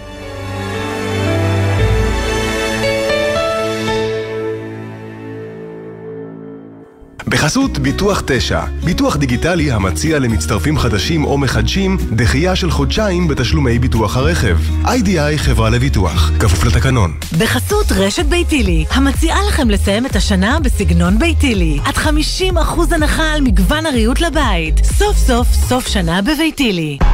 אתם מאזינים לגלי צה"ל. הורים, כדי להגן על ילדיכם ברכב, במקרה של עצירה פתאומית או תאונה, רצועות מושב הבטיחות חייבות להיות הדוקות לגופם. גם בחורף, שומרים על ילדינו וחוגרים אותם כשאינם לבושים מעילים וסוודרים עבים. הרלב"ד, יחד נגיע ליעד. יש אישה אגם גולדשטיין נחטפה לעזה. חווינו תחושות שאנחנו גם לא יודעות לדבר אותן לעצמנו. פשוט רק הגוף מרגיש. זה לא משנה מה אני אגיד, לא נבין. האחים הקטנים שלך, מתי הכי דאגת להם? אם רק אני ואמא לא נשרוד את זה, מה הם יעשו, לאן הם הלכו, מי יהיה איתם? וואי, הם כל כך צעירים. מה, הם לא הספיקו, הם לא יראו, הכל לפניהם. גלי צה"ל, פה איתכם, בכל מקום, בכל זמן. עכשיו בגלי צה"ל, אפי טריגר, עם בוקר טוב ישראל.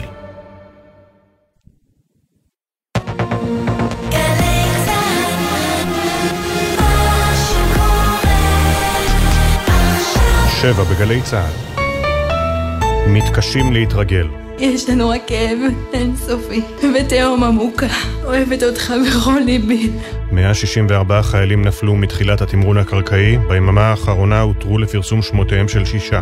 נהיה עם הדיווחים על המשך הלחימה שסיומה לא נראה באופק, עם קולות המשפחות, עם רותם גרינגליק, אחותו הגדולה של סרן במילואים שאול שנפל אתמול בקרב ברצועה, ועם חבר ועדת החוץ והביטחון זאב אלקין. צועדים ומדברים. דרך המעגל הזה משמיעים את הקול שלהם. היום הוא היום הרביעי של צעדת בני הנוער של כפר עזה לכיוון הכנסת. יובל מילר הייתה עם הצועדות והצועדים מהעוטף שסיימו את היום השלישי במעגלי שיח. גם הגוף זקוק לנחמה. דיקור, רפלקסולוגיה, שיאצו. כתבתנו שירה שפי הייתה עם אנשי בארי ועם האנשים שמטפלים בהם ברפואה אלטרנטיבית. זה נותן את המקום שאם הם לא רוצים לדבר, הם לא חייבים לדבר. על אף ואולי בגלל המלחמה. After seeing all of the anti-Israel and anti-Jewish protests and graffiti in our neighborhood, to land back at Ben Gurion last night felt wonderful. העלייה לארץ לא נפסקת תחת אש, כתבנו שי ישראל שמע מהעולים את הסיבות להגיע לכאן דווקא עכשיו. Yo creo que es importante estar aquí ahora, más que nunca. עם ישראל חי. בוקר טוב ישראל. בוקר טוב ישראל עם אפי טריגר.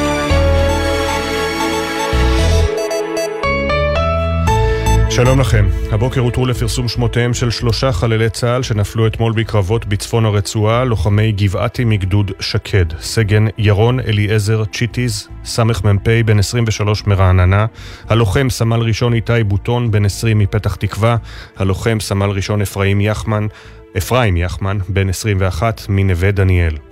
ארבעה לוחמים שנפלו ברצועה במהלך השבוע יובאו היום למנוחת עולמים. סמל ראשון במילואים אלישע יהונתן לובר התאמן ב-10:30 הבוקר בחלקה הצבאית בהר הרצל. רב סמל במילואים יוסף גיטארץ יובא למנוחות ב-11 לפני הצהריים בבית העלמין בקריית שאול. הלווייתו של סרן במילואים שאול גרינגליק תיארך באחת בצהריים בבית העלמין ברעננה. רב סרן שי שמריז יובא למנוחת עולמים בשתיים ורבע אחר הצהריים בבית העלמין במשואות יצחק. אמש נטמן רב סמל ראשון במילואים מאור לביא, זיכרונו לברכה, לוחם בגדוד 450 של חטיבת ביסלח, רעייתו ענבר נפרדה ממנו.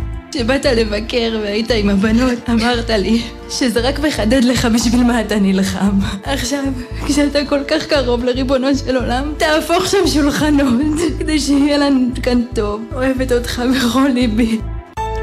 השר לעניינים אסטרטגיים רון דרמר נועד הלילה בבית הלבן עם היועץ לביטחון לאומי לנשיא ארצות הברית ג'ייק סליבן. השניים עסקו באפשרות לגיבוש עסקה נוספת לשחרור חטופים, וגם בתוכנית ליום שאחרי המלחמה, כולל סוגיית הממשל והביטחון ברצועת עזה, מעבר לשלב הבא בלחימה, שמטרתו מיקוד ביעדי חמאס בעלי ערך גבוה. כך דיווח גורם בבית הלבן לסוכנות רויטרס. נשיא ארצות הברית ג'ו ביידן שוחח בטלפון עם אמיר קטאר, תמים בן חמד עת'אני, על הניסיונות להביא להפסקת אש קבועה. 133 ישראלים נמצאים גם היום בשבי חמאס, בהם סמל ראשון אורון שאול וסגן הדר גולדין, שגופותיהם נחטפו במהלך הלחימה במבצע צוק איתן לפני תשע שנים וחצי. בבוקר טוב ישראל שוחחנו עם אופק שאול, אחיו של אורון, שהיום אמור לציין את יום הולדתו השלושים. ציון דרך כואב וקשה, אבל עם איזושהי קריאת השכמה. זה יכול להגיע לכמות כזו של שנים. אנחנו רואים שכשנתנו לממשלה בזמנו את הזמן, פעולות שנעשו הן לא היו מספיק טובות, אם נעשו בכלל. התמרון הקרקעי בשטח הרצועה מתרחב וכוחות צה"ל החלו לפעול גם במחנות הפליטים במרכז הרצועה, כך למשל אוגדה 36 במחנה הפליטים אל-בורג'. הרמטכ"ל, רב-אלוף הרצי הלוי, אמר אמש כי פעולת הכוחות הקרקעיים מביאה ערך מוסף ייחודי, השמדת תשתיות שלא ניתן לבצע מהאוויר. צה"ל קרוב להשלמת פירוק גדודי חמאס בצפון הרצועה. חיסלנו מחבלים ומפקדים רבים ולקחנו מאות בשבי. גם הפעילות של כוחות צה"ל ביהודה ושומרון נמשכת. חטיבת מנשה יצאה לילה למבצע לסיכול טרור במחנה הפליטים נור א-שמס. כטב"ם של חיל האוויר תקף חוליית מחבלים שהשליכה מטענים. חוסלו שישה מחבלים, נעצרו מבוקשים והוחרמו נשקים ואמצעי לחימה. פיקוד המרכז של צבא ארצות הברית הודיע הלילה כי ירט 12 כטב"מים, שלושה טילים בליסטיים נגד ספינות ושני טילי שיוט לתקיפה יבשתית בים סוף שנורו על ידי החות'ים. אמש ירט מטוס קרב של חיל האוויר מטרה במרחב האווירי בים סוף, ששוגרה לעבר ישראל בידי החות'ים, היא לא חצתה את שטח ישראל. דובר צה"ל תת-אלוף דניאל הגרי הגדיר אותה פעולת טרור איראנית שמבצעים החות'ים. הירי על ידי החות'ים לעבר שטח מדינת ישראל הוא פעולת טרור. זוהי פעולה שמבוצעת בהכוונה של איראן ובאמצעות מודיעין ואמצעי לחימה איראנים. נציבת שירות בתי הסוהר, רב גונדר קטי פרי, תוקפת בחריפות את השר הממונה איתמר בן גביר לאחר שהודיע כי לא יאריך את כהונתה בעקבות חוסר אמון מוחלט בין השניים כהגדרתו. בהודעת הנציבה נאמר, החלטה לא מפתיעה של שר חסר אחריות, ילדותי ותלוש מהמציאות, החלטה המעידה על אי הבנתו בשב"ס, הנציבה תשיב למכתב השר בערכאה הנכונה. ההחלטה שלא להאריך את הכהונה התקבלה בניגוד להסכם הקואליציוני להקמת ממשלת החירום בין ראש הממשלה נתניהו לשר בני גנץ, שבו נקבע כי כלל המינויים הבכירים יוארכו אוטומטית במהלך תקופת המלחמה. בנוגע להארכת כהונתו של מפכ"ל המשטרה, רב ניצב יעקב שבתאי, נמסר מטעם השר בן גביר כי השניים אה, נפגשו אמש באווירה חיובית. עכשיו העדכונים מגלגלצ. בחסות ביטוח 9, ביטוח דיגיטלי המציע למצטרפים חדשים או מחדשים דחייה של חודשיים בתשלומי ביטוח הרכב. איי-די-איי חברה לביטוח, כפוף לתקנון. כביש 6 דרומה עמוס לתנועה מבאקה עד מחלף אייל, בכביש החוף דרומה יש עומס תנועה ממחלף נתניה עד מחלף פולג, איילון צפונה עמוס מקוממיות עד מחלף השלום, כביש 65 עמוס מצומת מי עמי עד מחלף עירון, מזג האוויר מעונן חלקית, הטמפרטורות יוסיפו להיות גבוהות מהרגיל לעונה. בוקר טוב ישראל עם אפי טריגר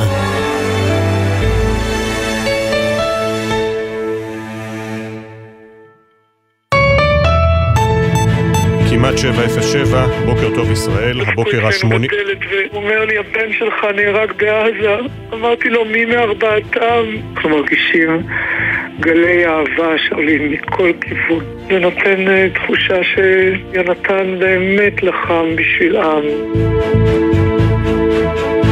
המחויבות ההדדית בחוזה הבלתי כתוב בין המדינה לבין משרתי המילואים קובעת כללים ברורים ופשוטים. כפי שהם התייצבו בלי להציב תנאים, עבורנו כמדינה יש מחויבות עליונה. אנחנו אומרים למחבלי החמאס, אנחנו רואים אתכם ואנחנו נגיע אליכם. אנחנו ממשיכים במלחמה, מעמיקים את הלחימה בדרום הרצועה ובמקומות אחרים. צה"ל קרוב להשלמת פירוק גדודי חמאס בצפון הרצועה. חיסלנו מחבלים ומפקדים רבים ולקחנו מאות בשבי. בשטח הבנוי והצפוף הזה, בו מחבלים לבושים כאזרחים, לא ניתן לומר כי הרגנו את כולם. היית פשוט מושלם מכל. אבא מושלם לבנות המדהימות שלנו, והבעל הכי מושלם שיכולתי לבקש. תמיד דאגת לבנות, תמיד דאגת לי.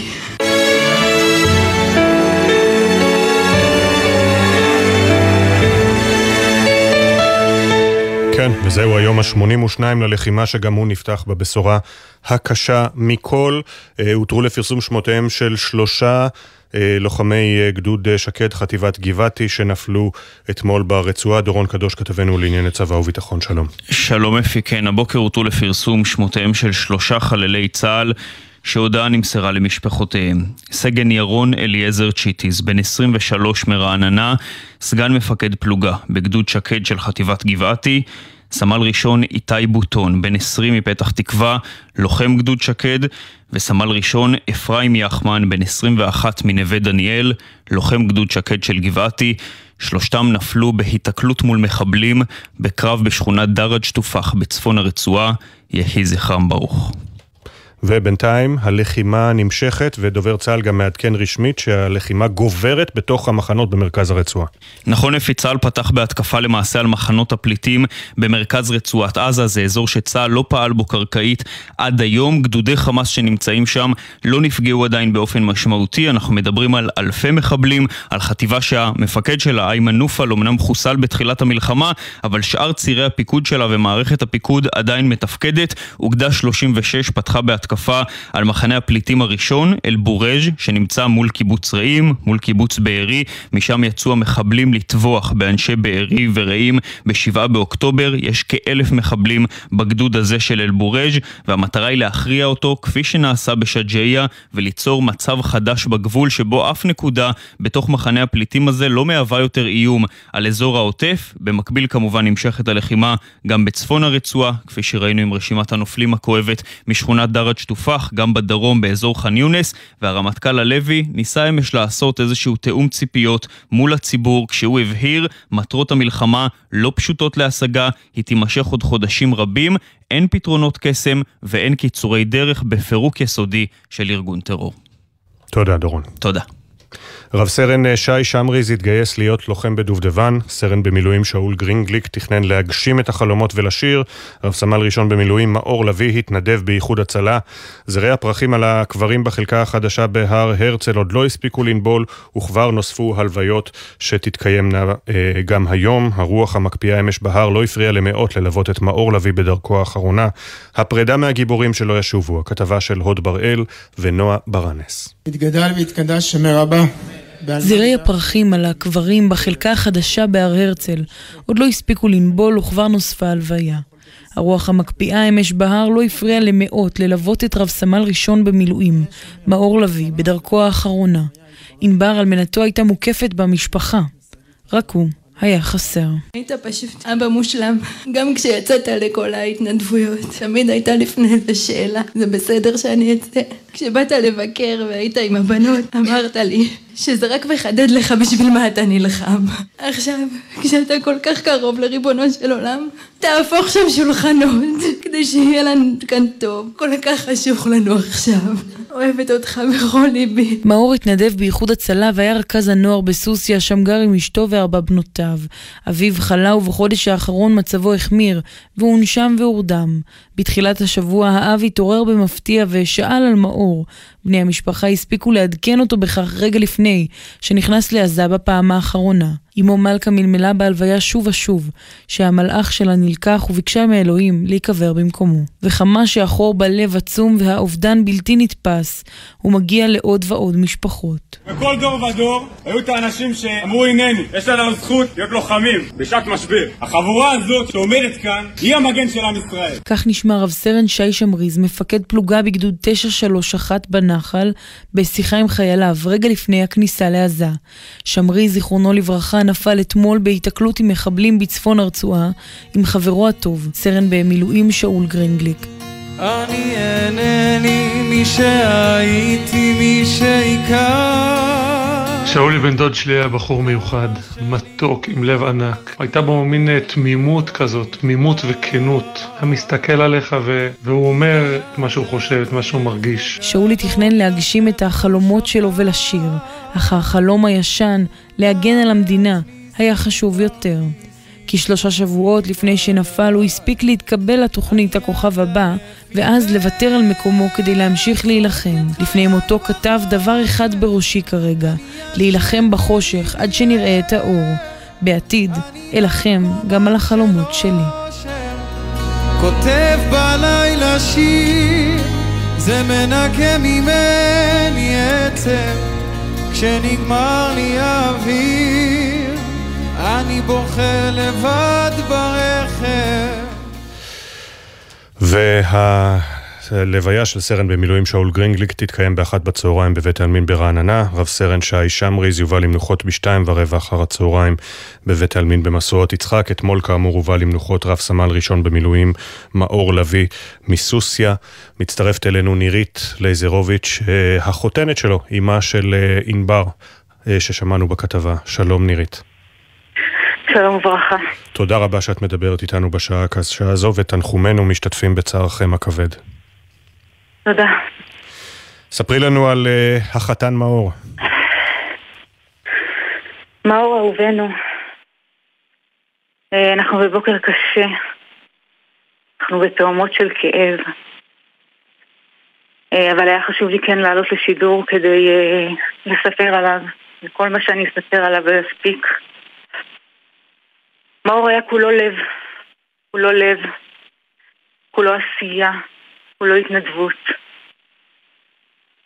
היה כל, בכל כך הרבה עמותות התנדב, התנדב בעמותת ידידים, התנדב באיחוד הצלה, התנדב בשירות הכבאות, היה מצטיין חטיבה במילואים. כל מקום שהיה צריך משהו, עזרה, לא היה צריך לבקש, מאור היה הראשון, הראשון להתייצב ולעזור לכל אחד, אם זה לשכן, אם זה לחבר שצריך להיות איתו בבית חולים אחרי פציעה, אז מאור הוא מתנדב להיות שבת שלמה עם, עם החבר או עם כל אחד אחר. אנחנו כואבים, אנחנו מאוד מאוד כואבים. הוא היה באמת, והכל הוא עשה באופן, בצורה שקטה, בענווה, בצניעות. בלי, בלי רעש וצלצולים, בלי להתבלט, הכל הכל בשקט בשקט, בשקט המיוחד שלו. יחד עם זה היה לו הומור וחוכמה. ומה יש עוד להגיד? יש עוד כל כך הרבה מה לספר, וזה כל כך דאגנו שמאור התייצב להיות ראשון, וגם במלחמה. פשוט ידענו, פשוט ידענו שהוא יהיה הראשון. הוא ייתן את כל כולו, ואם צריך, גם את החיים שלו. והוא נתן, את החיים, והוא נתן את החיים, ואת אמרת אתמול, אה, בתוך תוכי ידעתי כי לוקחים את הטובים ביותר, אז אתה תהיה שם. נכון, ממש ככה. בתוך תוכי ידעתי, ידעתי, ידעתי, כי באמת הוא לוקח את הטובים ביותר, הקדוש ברוך הוא רוצה את הטובים ביותר לידו, וזה מאור. מאור הטוב ביותר. כנראה הקדוש ברוך הוא רצה אותו, ואנחנו פה שבורים, כואבים, ומי שלא שמע זה הכות שבר. של ילדה בת חמש וחצי, שצועקת וזועקת, אבא, אני רוצה רק את אבא. לא שמע זעקות שבר מימיו. מאור השאיר אישה, את הבת שלי, בת שלושים, אישה מדהימה שכבר שלושה חודשים מתמודדת לבד, שהוא בקושי הגיע הביתה. והותיר ארבע בנות שהן היו כל עולמו. ואנחנו נשארנו עם הכאב, אה, אבל אנחנו ננצח, אנחנו חייבים לנצח. בכל דור ודור עומדים עלינו לכלותנו והקדוש ברוך הוא מצילנו מידיו. במלחמת אין ברירה. וצריך לתת לצה"ל כל הלגיטימציה. פשוט פשוט לנצח. אין לנו ברירה אחרת. בתחילת המלחמה מאור אה, מצא חנוכיה בשג'אעיה, במהלך נכון, פשיטה על לא בית לא בשכונה, לא בהתחלה, ממש לפני כן, כמה ימים. לא, זה ממש לפני שבוע וחצי, כן. בנר שביעי של חנוכה. מאור מצא באמת בבית מחבל אה, פעיל, בתוך הריסות החדר השינה שלו, הוא מצא חנוכיה. כשהוא יצא הוא צילם את החנוכיה ופרסם אותה ועלה פוסט בכל הרשתות. פוסט ששותף המון המון פעמים. כי הוא גם, גם רצה לאתר את הבעלים שלה, הוא חשב כן, שאולי זה נלקח מאחד הבתים בעוטף. נכון, בתחושת הבטן שלו זה הייתה חנוכיה שנגנבה. יש לנו קצה חוט אה, באיתור הבעלים של החנוכיה, אבל זה עוד לא ודאי, אז אנחנו עוד לא mm. מפרסמים את זה. כן, וזה היה כאמור לפני שבוע וחצי. סיפרת על ענבר שלא ראתה אותו כמעט שלושה חודשים. אמ, מעט מאוד. מעט מאוד, ועכשיו היא צריכה להתמודד כמובן עם, ה, עם החור הנורא שנפער בלב, אה, נכון. ובגיל 30 להיות אה, אלמנה. אלמנה עם ארבע בנות, נכון. זהו, זה העם שלנו. אנחנו... אני מגיעה ממשפחה אה, של סבים וסבתות מכל הצדדים, שורדי שואה. איבדו את כל המשפחה שלהם וקמו מעפר ובנו את הארץ הזאת בעשר אצבעותיהם. ואנחנו נמשיך, אנחנו כואבים, אנחנו בוכים, אנחנו אבלים, אבל אנחנו נקום, אנחנו נקום, אנחנו נעטוף את ענבר ואת הבנות, הם לא יישארו עוד לבד. ועם ישראל חי, פשוט אין לנו ברירה אחרת. המחיר כבד, המחיר כבד מנשוא. עם ישראל חי והמחיר כבד מנשוא. נירית לייזרוביץ', אימא של אה, ענבר, אה, רעייתו של רב סמל ראשון במילואים, מאור לביא, זיכרונו לברכה. תודה רבה שדיברת איתנו, ושוב תנחומים למשפחה, לחברים, אה, ותודה רבה שאת מדברת איתנו בשעות הקשות האלה. תודה, תודה רבה. תודה שסיפרת לנו על מאור. וזה מביא אותנו אליך, כתבנו המדיני יניר קוזין, על המגעים לעסקת שחרור חטופים נוספת. יש אה, בידיך תמונת מצב של התקדמות המשא ומתן אחרי דיוני הקבינט מהלילה, וגם פגישה בוושינגטון של השר לעניינים אסטרטגיים רון דרמר, עם היועץ לביטחון לאומי לנשיא ארה"ב ג'ייק סליבן. שלום יניר. שלום אפי. כן, אז מדובר, אם תרצה, בביקור גומלין, לאחר שג'ק סליבן, היועץ לביטחון לאומי, ביקר בישראל גם שר ההגנה אוסטין. אה, השר רון דרמר נפגש עם אה, סליבן בבית הלבן, גם עם אה, אנטוני בלינקן, שר החוץ של ארצות הברית. על הפרק כמה וכמה נושאים, בראש ובראשונה ההתנהלות של ישראל במלחמה והמעבר שדיברנו עליו לא פעם ולא פעמיים מהשלב, שלב ג, ב' מה שנקרא לשלב ג', מהפעולה העצימה לפעולה עצימה פחות עם אה, התנהלות שונה של ישראל. האמריקנים מנסים להבין איך ישראל מתכוננת למצב הזה, וזה סוג של שאלת גם היום שאחרי אה, אפי בעצם איך ישראל הולכת לנהל את האזור הזה של רצועת עזה, ובעיקר מי הולך לנהל אותו אם לא ישראל. על כך אה, וזה אלה השאלות ששאלו האמריקנים. דרמר מצידו התעניין כמובן גם אה, בכלכלת החימושים של האמריקנים לוודא שגם בשלב הבא שבו ישראל עוברת לשלב עצים פחות, עדיין החימושים מארצות הברית יגיעו. בתוך כך, עניין אה, מתווה שחרור החטופים, כפי שאנחנו יודעים, די קפוא בשלב הזה, גם המתווה המצרי לא התקבל על ידי חמאס, גם זה הקטרי לא מצליח לרקום עור וגידים. עם זאת, אתמול בלילה משוחח נשיא ארצות הברית ג'ו ביידן עם אמיר קטר. השיחה הזאת היא מעניינת מכיוון שבפעם הקודמת, לקראת גיבוש המתווה הקטרי לשחרור החטופים, גם היה נדמה שהסיפור תקוע. אז שיחה של ג'ו ביידן יותר מאחת לאמיר קטר ולגורמים בכירים אחרים בקטר הצליחו להזיז ולהתניע משהו ולכן זה בעיקר מעיד על כמה הנשיא האמריקני מעורב בסיפור הזה, רוצה שהוא יצליח, האם זה יביא להצלחה של מתווה קטרי נוסף עוד מוקדם לומר, אבל יש לחץ שמופעל על קטר לנסות ולהביא כאן איזשהו הישג, במקביל עם הסיפור המצרי שעדיין לא זז ולצערנו הרב עדיין אנחנו לא רואים מתווה באופק. תודה, יניר. נחזור אליך בהמשך לגבי הפיצוץ אתמול ליד שגרירות הודו. שרי הביטחון והאוצר הציגו אתמול מתווה מענקים למשרתי המילואים בהיקף של 9 מיליארד שקל, אבל מתווים לחוד ומציאות לחוד. עדיין לא ברור מהיכן יגיע הכסף, האם תידרש הגדלה של הגירעון, ומתי הוא ייכנס לחשבונות הבנק של המילואימניקים. כתבנו לענייני כלכלה ישראל פישר, שלום, בוקר טוב. בוקר טוב אפי, אחרי הביקורת הרבה שנמתחה על הממשלה ועדויות של משרתי מילואים על קשיים כלכליים, הציגו אתמול שר הביטחון גלנט ושר האוצר סמוטריץ' תוכנית מענקים למשרתי המילואים. אנחנו קודם כל מצדיעים לכם. כפי שכבר תראו, יש בתוכנית הזאת הרבה מאוד דברים. בכסף והטבות וזכויות והנחות, אבל לפני הכל ואחרי הכל. יש בה תודה גדולה והוקרה ענקית. יש בה אמירה ערכית של סדרי עדיפויות של חברה ועם ומדינה שיודעים להוקיר. על הנייר התוכנית בהיקף של 9 מיליארד שקלים באמת מרשימה. לוחמים במילואים יקבלו למשל מענק חודשי של 1,400 שקלים, לוחמים ששירתו יותר מ-45 ימים יקבלו מענק מיוחד של 2,500 שקלים, ישולם גם מענק מיוחד לכל מי שמשרת יותר מ-60 יום, ואפילו שוברים לחופשה משפחתית. אבל עדיין לא ברור מתי תושלם התוכנית ומתי משרתי המילואים יראו את הכסף הזה בכיס. לא ברור מהו המקור התקציבי לתוכנית ובכל מקרה היא תהיה תלויה בחקיקה מחדש של תקציב 2024, כלומר שגם בחודש הבא התשלום עדיין לא יועבר, כי רק באמצע ינואר יוצג לראשונה התקציב החדש לשנה הבאה. התוכנית החדשה מנסה לענות גם על קשיים של בעלי עסקים שמשרתים במילואים אחרי הדברים המטלטלים שאמר השבוע בוועדת הכספים המילואימניק ליאור מושייב שהעיד שהעסק שלו בבאר שבע בקריסה. וזה הזמן להזכיר שעדיין לא הוגש מתווה פיצויים לבעלי עסקים לחודשים נובמבר ודצמבר, כך שבעלי עסקים יוצאים למילואים יוכלו להתנחם אולי במענקים מוגדלים, אבל יגלו יום אחרי השחרור שלא נותר להם מקור פרנסה. תודה ישראל. עכשיו אל סערת קטי פרי. השר אה, איתמר בן גביר הודיע אמש שכהונתה של נציבת שירות בתי הסוהר לא תוארך בעקבות חוסר אמון מוחלט בין השניים. אה, אמורה, הקדנציה הזו אמורה הייתה להתארך באופן כמעט אוטומטי בשל המלחמה והקמת ממשלת החירום.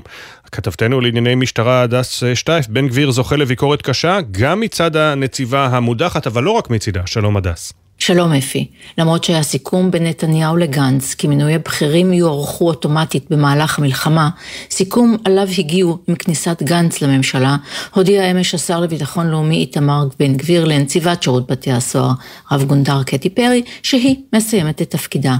במכתב ששלח לה, נימק בן גביר את החלטתו בין היתר בשל לדבריו פערים ואי הסכמות עד כדי חוסר אמון מוחלט שהתגלעו ביניהם.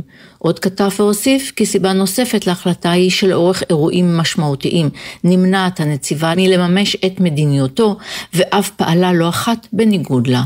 הוא גם נימק כמה אירועים שלטענתו נוהלו בניגוד לעמדתו, כמו ניהול משא ומתן בראשותה של פרי עם מחבלי חמאס על תנאיהם בכלא, ניסיון שלה לטענתו לטייח מקרה בבית הסוהר, רימונים שבמסגרתו התפרעו עשרות אסירים במקום ועוד. מטעמה של נציבת שב"ס נאמר כי ההחלטה משולבת בטענות מופרכות וחסרות שחר, תלושות מהמציאות וילדותיות, המראות את אי הבנתו בשירות בתי הסוהר. הנציבה מודה על הזכות שניתנה לה להוביל את הארגון המשמעותי הזה, ארגון הכליאה הלאומי של מדינת ישראל, ומודה לכלל סגל שירות בתי הסוהר על העשייה המדהימה והמשמעותית בשנות כהונתה. גורמים נוספים מתחו ביקורת קשה על ההחלטה הזאת של השר. בין היתר נאמר כי יש ציפייה מראש הממשלה שלא לאפשר החלטות משיקולים פוליטיים הפוגעות בתפקוד המדינה בעת הזאת. לעניין הארכת כהונתו של המפכ"ל, כן או לא, השר אמור לקבל החלטה כזאת בקרוב. אז אנחנו ממשיכים אליך, כתב התחום הפוליטי שחר גליק, האם הודעת השר בן גביר סותמת את הגולל על המשך כהונתה של פרי, או שמא ההסכם שנחתם בין נתניהו לגנץ, הסכם ממשלת החירום, מבטיח שהמילה האחרונה עדיין לא נאמרה? בוקר טוב שחר. בוקר טוב אפי, תראה, פורמלית השר יכול שלא להאריך את כהונתה של פרי, אבל הסמכות על הארכת הכהונה נמצאת בכלל בידי הממשלה. זאת אומרת שאם בן גביר יחליט שלא להעלות להצבעה את הארכת כהונתה כפי שהוא מצהיר, ראש הממשלה נתניהו יכול להעלות את זה בעצמו ולהצביע בעד, אז הכדור לגמרי בידיים של נתניהו כרגע, ומי שנמצא בצידו השני של המתרס הוא השר בני גנץ, שכזכור חתם על הסכם כניסה לממשלת חירום בתנאי שלא נוגעים במינויים, כולם נשארים בתפקידים עד לסוף המלחמה. אז במחנה הממלכתי גם הוציאו הודעה שמזכירה את ההסכם הזה והדגישו את הסכנה בהחלפת ראשי מערכת הביטחון ועכשיו נתניהו יצטרך להחליט האם הוא נכנס לעימות עם בן גביר שמאיים כבר כמה שבועות בעזיבת הקואליציה ורק מחכה לתירוץ כדי לפרוש ולפתוח בקמפיין בחירות או שהוא מאמץ את ההחלטה, מדיח את פרי ומסתכסך עם בני גנץ שנכנס לממשלת החירום לתקופת המלחמה. ככה או ככה זה סימנים של פיצוץ שכנראה יגיע בקרוב עם מישהו מהם. אף אחד מהצדדים פה לא יוותר, הרי כלפי חוץ אמנם כולם מתעסקים רק במלחמה, ובפועל גם לגנץ וגם לבן גביר הקמפיינים כבר כמעט מונחים באופן מלא על השולחן, וראש הממשלה יצטרך להחליט לאיזה כיוון הוא מטה את הספינה. תודה, שחר. 7.27 מצטרף אלינו חבר הכנסת זאב אלקין, יושב ראש סיעת המחנה הממלכתי וחבר ועדת החוץ והביטחון של הכנסת. שלום לך, בוקר טוב. בוקר טוב. על פניו, בן גביר מפר את ההסכם. מה תגובתכם? אנחנו מצפים מנתניהו שידאג לקיום ההסכם, אבל הנקודה המרכזית זה לא ההסכם. הנקודה המרכזית זה עצם ההחלטה באמצע המלחמה להחליף בעל תפקיד אה, שיש לו משמעות ביטחונית. ואני חושב שזו טעות גדולה. בכלל חבל להתעסק בפוליטיקה ובבעיות אה, פרסונליות בזמן הזה, כשכל המאמץ צריך להיות למעשה מושקע במלחמה ובניצחון במלחמה וברצון לשמור ממשלה נכון, מאוחדת. אבל מהרגע שמישהו, אה, למשל השר בן גביר, מתעסק בפוליטיקה, אז אולי צריך, אה, מעבר ללהגיד אנחנו מצפים שראש הממשלה יעמוד בהסכם, גם לעשות משהו קצת יותר אה, רציני, אולי מה לעשות, אולי צריך מה? גם להפוך שולחן, לאיים בעזיבת הקואליציה. אנחנו לא, לא מתעסקים בקרבות פוליטיים ומלחמות יהודים בזמן המלחמה. זו עמדה בסיסית, ולכן אנחנו לא נצעק ולא נתלהם, אנחנו לא בן גביר ולא רוצים להשתמש במלחמה כאיזשהו כלי לאיזשהו בנייה פוליטית או פנייה לאיזשהו קהל מצביע. אנחנו עזבנו את כל השיקולים הפוליטיים, שמנו אותם בצד והצטרפנו לממשלה הזאת שיש לנו המון ביקורת עליה ולא לא נעלמה בשום מקום, כולל גם על דברים שקרו לאחר שהצטרפנו, כמו למשל תקציב שנת 23. עשינו את זה כי אנחנו סבורים שהניצחון על חמאס וניצחון אמיתי, מלא, בהתאם להחלטות הקבינט, קרי ש... שחמאס יותר לא ישלוט ברצועת עזה והחטופים יחזרו לישראל, זה כרגע המטרה העליונה של מדינת ישראל, ומלחמות יהודים... נכון, אבל עובדה, עובדה שבממשלה ראינו שלא קיצצו את הכספים הקואליציוניים בתקציב 23, על אפכם ועל חמתכם. עכשיו, אה, השר בן גביר אה, לגבי קטי אה, פרי מוציא מכתב, זה נראה לכאורה מנוי וגמור. עושה רושם שבגלל העמדה קודם שלכם... כל זה לא מנוי, קודם כל זה לא מנוי וגמור, ראש ממשלה יכול להתערב פה. אתה מאמין שהוא יתערב? אני לא יודע, אני קטונתי מלהיות דוברו של בנימין נתניהו, כמו שאתה יודע. ושוב, אני חוזר ואומר, זאת לא ממשלת חלומותינו. אנחנו הצבענו נגדה כשהיא קמה. אבל, אבל חבר הכנסת אלקין, יש הבדל בין להגיד אנחנו מצפים מראש הממשלה להתערב, לבין אנחנו דורשים מראש הממשלה להתערב. אנחנו גם מצפים וגם דורשים מראש הממשלה להתערב, אם אתה רוצה שפה כזאת, אבל זאת לא, זאת לא השאלה המרכזית. אנחנו הצטרפנו כאן לממשלה שהיא לא ממשלת חלומתנו, שיש לנו המון ביקורת עליה, על מה שהיה בעבר, ובין השאר גם על איך שהיא מתנהלת היום. אבל בסוף בחיים אתה צריך לתעדף מה הדבר הכי מרכזי כרגע למדינת ישראל. והדבר הכי מרכזי כרגע למדינת ישראל זה לא לשקוע שוב במלחמות היהודים, שאנחנו כל כך אוהב, אוהבים את זה ועשינו את זה היטב עד ל-7 באוקטובר וגם התוצאות היו בהתאם. אלא להתרכז בדבר שבו תלוי בסוף ביטחון של אזרחי מדינת ישראל בכל הארץ אגב, mm-hmm. וזה להביא לניצחון מלא על חמאס. בזה אנחנו מרוכזים. יהיו, יש דברים... אבל יש אנשים דברים. שלא מרוכזים בזה והם בממשלה וגם... ו... חבל, חבל מאוד שמה שמעניין את בן גביר זה לא ניצחון במלחמה, אלא כל מיני כיפופי ידיים וניסיונות לחזור לעולם של שישי באוקטובר של המלחמות היהודים. אני חושב שמלחמות היהודים יכולות לחכות עד לניצחון על האויב האמיתי שלנו, האויב האמיתי שלנו כרגע זה חמאס. אבל זה לא רק בן לא גביר, בגלובס מדווחים בלעדית שהיועץ הכלכלי של ראש הממשלה אבי שמחון דוחף שלא לעשות תקציב חדש, אלא להתעסק בשיטת הקופסאות כמו בקורונה. לא, ש... אין, אין, קודם כל בשביל שיטת הקופסאות צריך תקציב חדש, כי צריך לאשר את זה, קופסאות לא היו בתקציב שאושר. אין ספק שבשנת 24 יהיו נושאים שיהיו בקופסאות, אנחנו במלחמה, זה אגב פרקטיקה רגילה תקציבית של מדינת ישראל, הייתי חבר בהרבה ממשלות, באירועים פחות חריפים מהסוג הזה, וכשזה לא הצעה קבועה של הממשלה, אלא משהו מאוד מאוד חריג, ייחודי, תמיד מגדירים את זה כקופסה, כי הממשלה רוצה לראות את התמונה הכוללת של ההוצאות הקבועות שלה. זאת לא השאלה. יהיו ויכוחים מה גודל הגירעון שמדינת ישראל יכולה להרשות לעצמה, mm. ואני מניח שיהיו ויכוחים על זה בתקציב. יהיה ויכוח על הכספים הקואליציוניים, העמדה שלנו מאוד ברורה וחדה. עשינו משהו מאוד מאוד חריף, הצבענו נגד התקציב בכנסת, כולל השרים שלנו, כי אנחנו למעשה סבורים שהכסף קואליציוני בשנת 23 לא נוהל נכון, היה צריך לקצץ אותו הרבה יותר. והיה צריך לוותר עליו. לכן היו לנו, יש לנו ועוד יהיו לנו מחלקות וגם מחלקות עמוקות כן. עם הדרך של הממשלה הזאת. אבל בסוף תמיד אתה שואל את עצמך בנקודת הזמן הזאת מה הדבר הכי חשוב, מה האלטרנטיבה.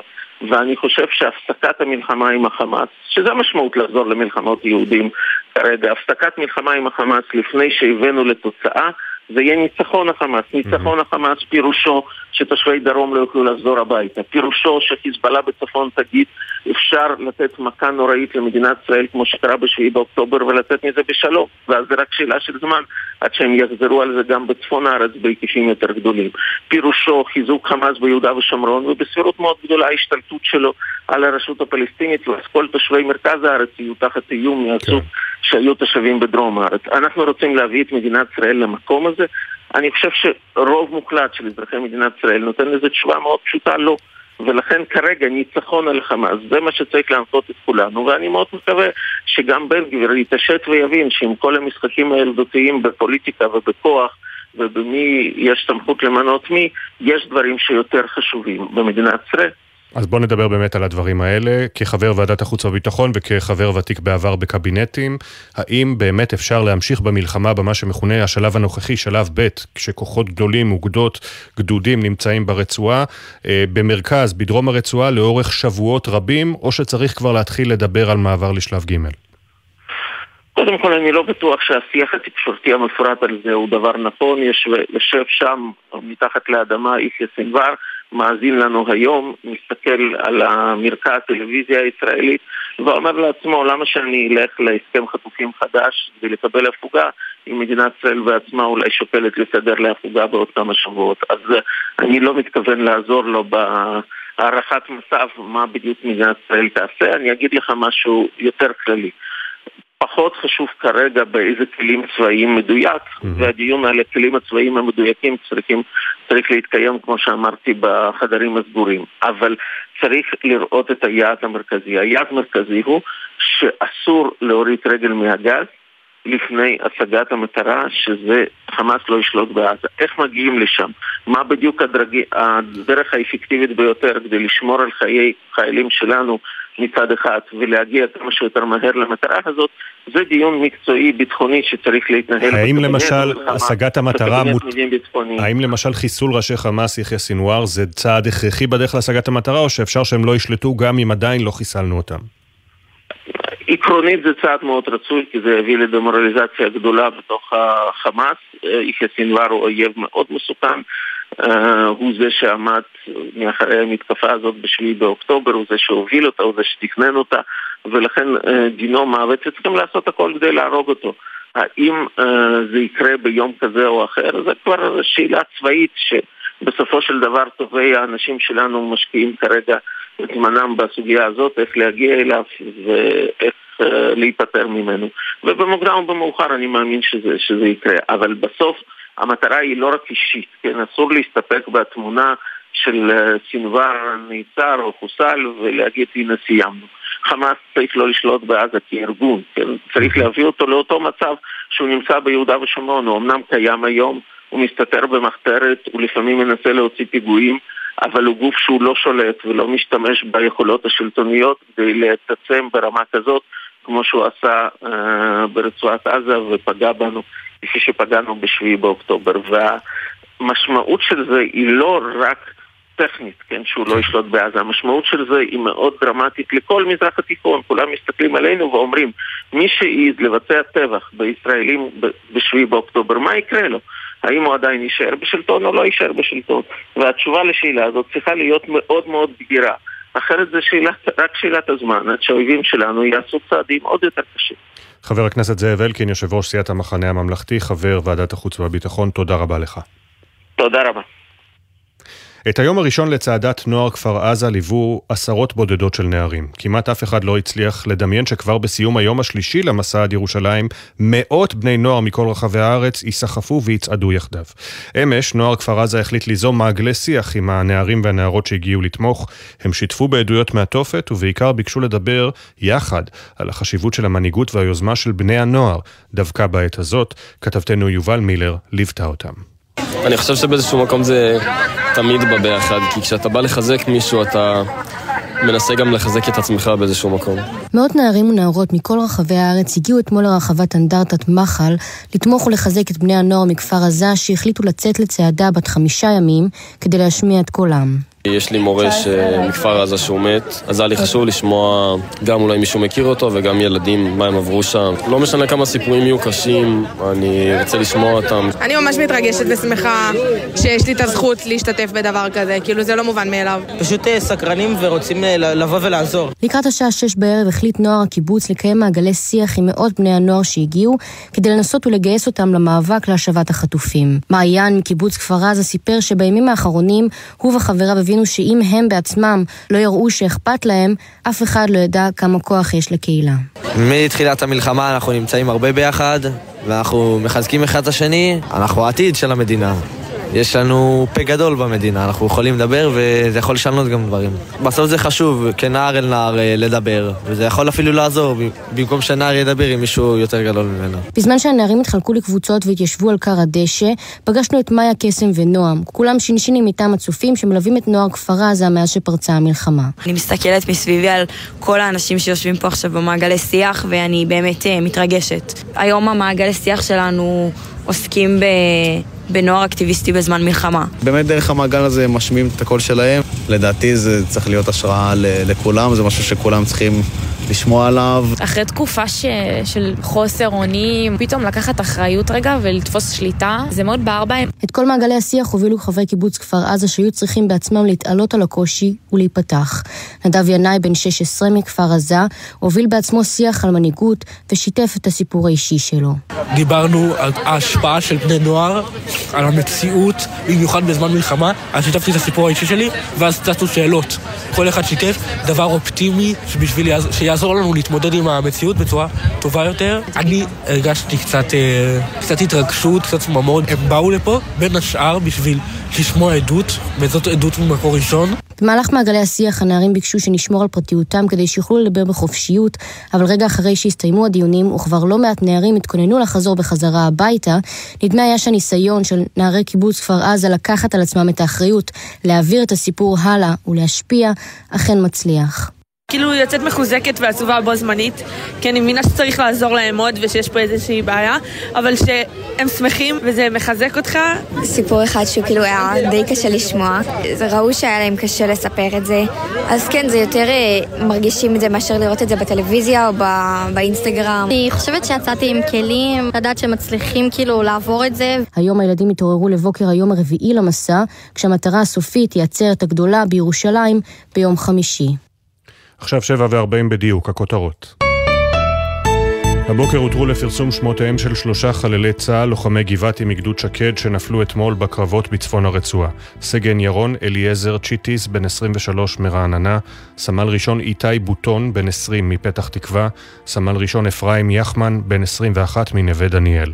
היום יובאו למנוחות ארבעה לוחמים שנפלו ברצועה במהלך השבוע. סמל ראשון במילואים אלישע יהונתן לובר ייטמן ב-10 ו-30 הבוקר בחלקה הצבאית בהר הרצל. רב סמל במילואים יוסף גיטרץ יובא למנוחות ב-11 לפני הצהריים בבית העלמין בקריית שאול. הלווייתו של סרן במילואים שאול גרינגליק תיערך באחת בצהריים בבית העלמין ברעננה. רב סרן שי שמריז יובא למנוחות עולמים בשתיים ורבע אחר הצהריים בבית העלמין במשואות יצחק.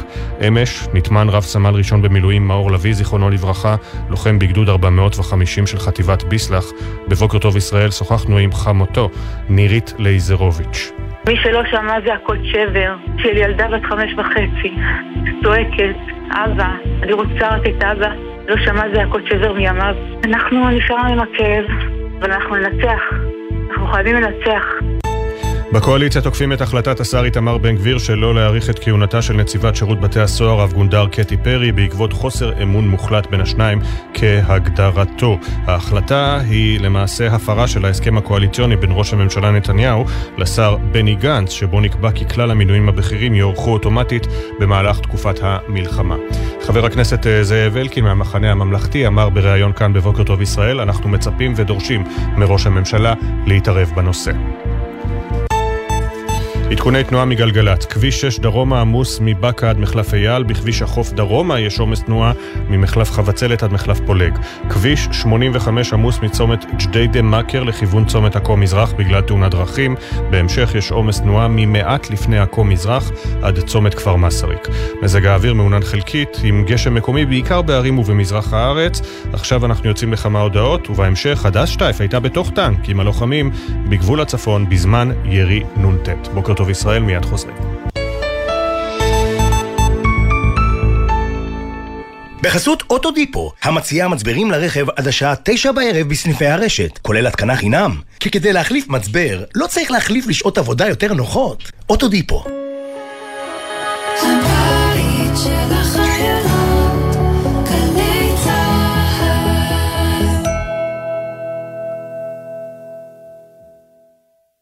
אצלי בבית, אמא ואבא קונים רק פירות וירקות ישראליים. איך זה אצלכם? זה הזמן לחזק את החקלאים שלנו. מ-24 בדצמבר תחול חובת סימון ארץ המקור של תוצרת טרייה הנמכרת בתפזורת. לכן כשקונים פירות וירקות, דגים ומוצרי חלב, בודקים שזה ישראלי, שיש סימן שזה מכאן. קונים תוצרת ישראלית ושומרים על החקלאות שלנו. מידע באתר משרד החקלאות. מגישים משרד החקלאות ומועצת הצמחים. אתם זכאים למענק עבודה לשנת המס 2022? במיוחד בימים אלו, הגישו בקשה בקלות ובמהירות באתר רשות המיסים ותיהנו ממענק עבודה פלוס תוספת. הזכאות למענק עבודה פלוס מגיל 21. ועוד פלוס חשוב, מענק מוגדל של 150% ניתן לאם עובדת ולהורה יחיד.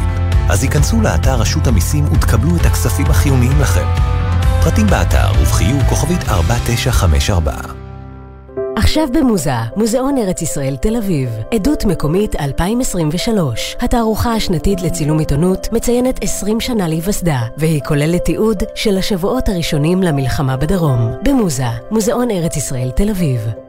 ידעתם שמשרד החקלאות מקצה לחקלאים 20 מיליון שקלים לשינוי ייעוד של מבנים חקלאיים, ושמשרד האוצר נותן מענקים לעסקים ולעצמאיים מכל רחבי הארץ? וידעתם שיש אתר אחד המרכז למענכם את כל המידע על כל מה שהממשלה עושה. כל המידע למפונים, לעסקים, לחקלאים, לכל האזרחים. עכשיו באתר חרבות ברזל, מידע לציבור ממשרדי הממשלה. חפשו ברשת חרבות ברזל, מידע לציבור ממשרדי הממשלה, ותקבלו את כל המידע על מה שאתם יכולים לקבל מהממשלה. יחד ננצח. ג'יי גיב מזמינה אתכם להצטרף למאות אלפי ישראלים שכבר תרמו ולתרום למגוון עמותות ומיזמים בחזית ובעורף באופן בטוח. חפשו ג'יי גיב בגוגל, מצאו את העמותה או המיזם הקרובים ללבכם ותוכלו לתרום כבר עכשיו.